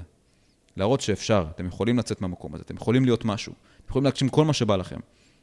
הכל מתחיל בראש. ברגע שאתה מודע למטרה שלך, אתה יודע לאן אתה מכוון ולאן אתה שואף, הרבה יותר קל. הכל מתחיל בראש. הכל הסיפור שאתה מספר לעצמך. בדיוק. ואני מספר לעצמי שאני הולך להיות מצליח, שאני הולך להיות בין האנשים הכי מוצלחים בישראל, שאני הולך להשפיע פה על אנשים, להביא אה, משמעות לשם משפחה שלי לדורות קדימה, והבן שלי הרבה יותר מוצלח ממני. זאת אומרת, כמו שאנדרו טייט היה לו את אבא שלו, אני רוצה שהבן שלי יסתכל ככה על רן חצבני. אתה מבין, בואנה משפיע על הרבה אנשים, הוא שינה הרבה אנשים. קח לדוגמה, תחשוב עכשיו אני עוד אה, עשר שנים. בא, אתה יודע, יושב כזה באיזה בר לסיגרים, מגיע לאיזה מנכ"ל של חברה בין הגדולות בעולם. רן חצבני? וואו, אתה יודע שהגעתי למצב שאני נמצא בו בזכותך? אתה יודע שאני כרגע מרוויח מיליוני שקלים. אני מאושר. יצאתי מהדיכאון שלי, והיו הרבה כאלה שבאו ואמרו לי את זה. בזכותך? אחי, זו הרגשה שאי אפשר לתאר. זו הרגשה, זה סיפוק שלא הרגשתי בחיים, שאתה רואה אנשים כותבים את זה, ואנשים באמת משתנים בזכותך, ושולחים לך תמונות של לפני ואחרי, סרטונים. אחי, זה, זה משהו שאי אפשר להשתוות אליו. זה משהו שהוא שליחות והרגשה פנימית, ששום דבר לא השתווה אליה בעיניי.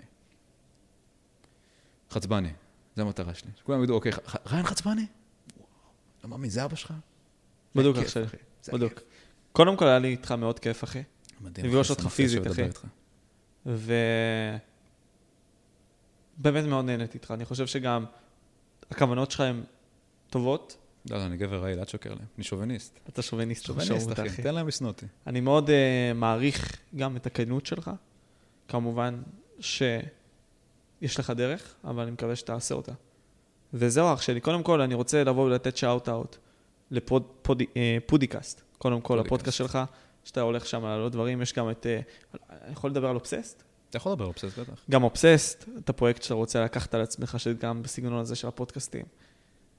גם ריין חצבני, הערוץ עצמו, שאתה הולך לדבר על הדברים שלך. אתה הולך להזניח נראה לי את אה, פדיקסול, או איך, מה אתה הולך לעשות? אני חושב שכן, לצערי, ניסיתי לחזור, ניסיתי לחזור אה, לתוכן היותר כיפי, לחזור גם לגיימינג, אני פשוט לא מוצא את עצמי שם יותר. הבנתי. זה לא נותן לי את אותה הרגשה, זה לא נותן לי את אותו סיפוק, זה לא מרגיש לי שליחות כמו מה שאני עושה כרגע, וכמה שזה קשה וכמה שריין בן 17 רצה מלא מלא עוקבים ולהיות יוטיובר מפורסם, אני חושב שהדרך שאני פונה בה עכשיו הרבה יותר תספק אותו. הבנתי אותך. כי זה משהו שהוא תמיד רצה, אבל הוא פחד לעשות.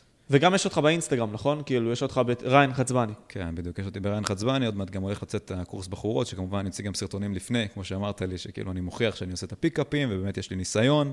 כמו שאתה אומר, לדבר, להוכיח, ואז התוצאות כבר מדברות בשם עצמם. בדיוק. אז תחכו גם לזה, ומי שרוצה מוזמן לרכוש את הקורס שלי, לבוא לקבוצת וואטסאפ שלנו, לדבר איתי, לשאול כל שאלה. יש גם החזר כספי מלא. וואו. מי שלא לומד כלום מה... ברור, אחי, אני... מאוד מאוד חשוב לי, גם כשאני מוציא את הקורס, אני הולך לפנות, לפתוח אותו לכמות מאוד מוגבלת של אנשים, לראות ביקורות, אולי אני יכול לשפר משהו, אולי הכל. מאוד חשוב לי שמה שאני מציג ומה שאני מוכר, באמת ישפיעו לאנשים ב-180 מעלות על החיים. מטורף. חייב, אחי. החזר כספי מלא, אם אתם לא לומדים כלום מהקורסים שלי ושום דבר, קחו את הכסף, זה בסדר גמור. אם אתם כן לומדים, אתם רוצים את העזרה שלי, יש לכם את הקבוצת וואטסאפ איתי ועם כל הרוכשים, וזהו. מפה נתחיל. תודה אח שלי, קודם כל. בכיף אח שלי, בכיף. יאללה. רבה שאירחת אותי. אנחנו היינו פה, אני הייתי משה פבריקן, זה הריין חצבני. הופה. רוצים לזכור אותו ככה, חצבני. קם אדריאן בא ועזר לנו פה הרבה, מעריך אותך אח שלי היקר, תיכנס, תעשה לו מסאז'. כנס אח שלי, כנס, מגיע לך אחי. מגיע לך, הוא גם עזר לנו פה לבוא ולהפיק את כל השיט. זהו, זהו. מזג לי את כל הוויסקי. זהו. מלך, מלך. יאללה, היינו פה חבר'ה. ביי.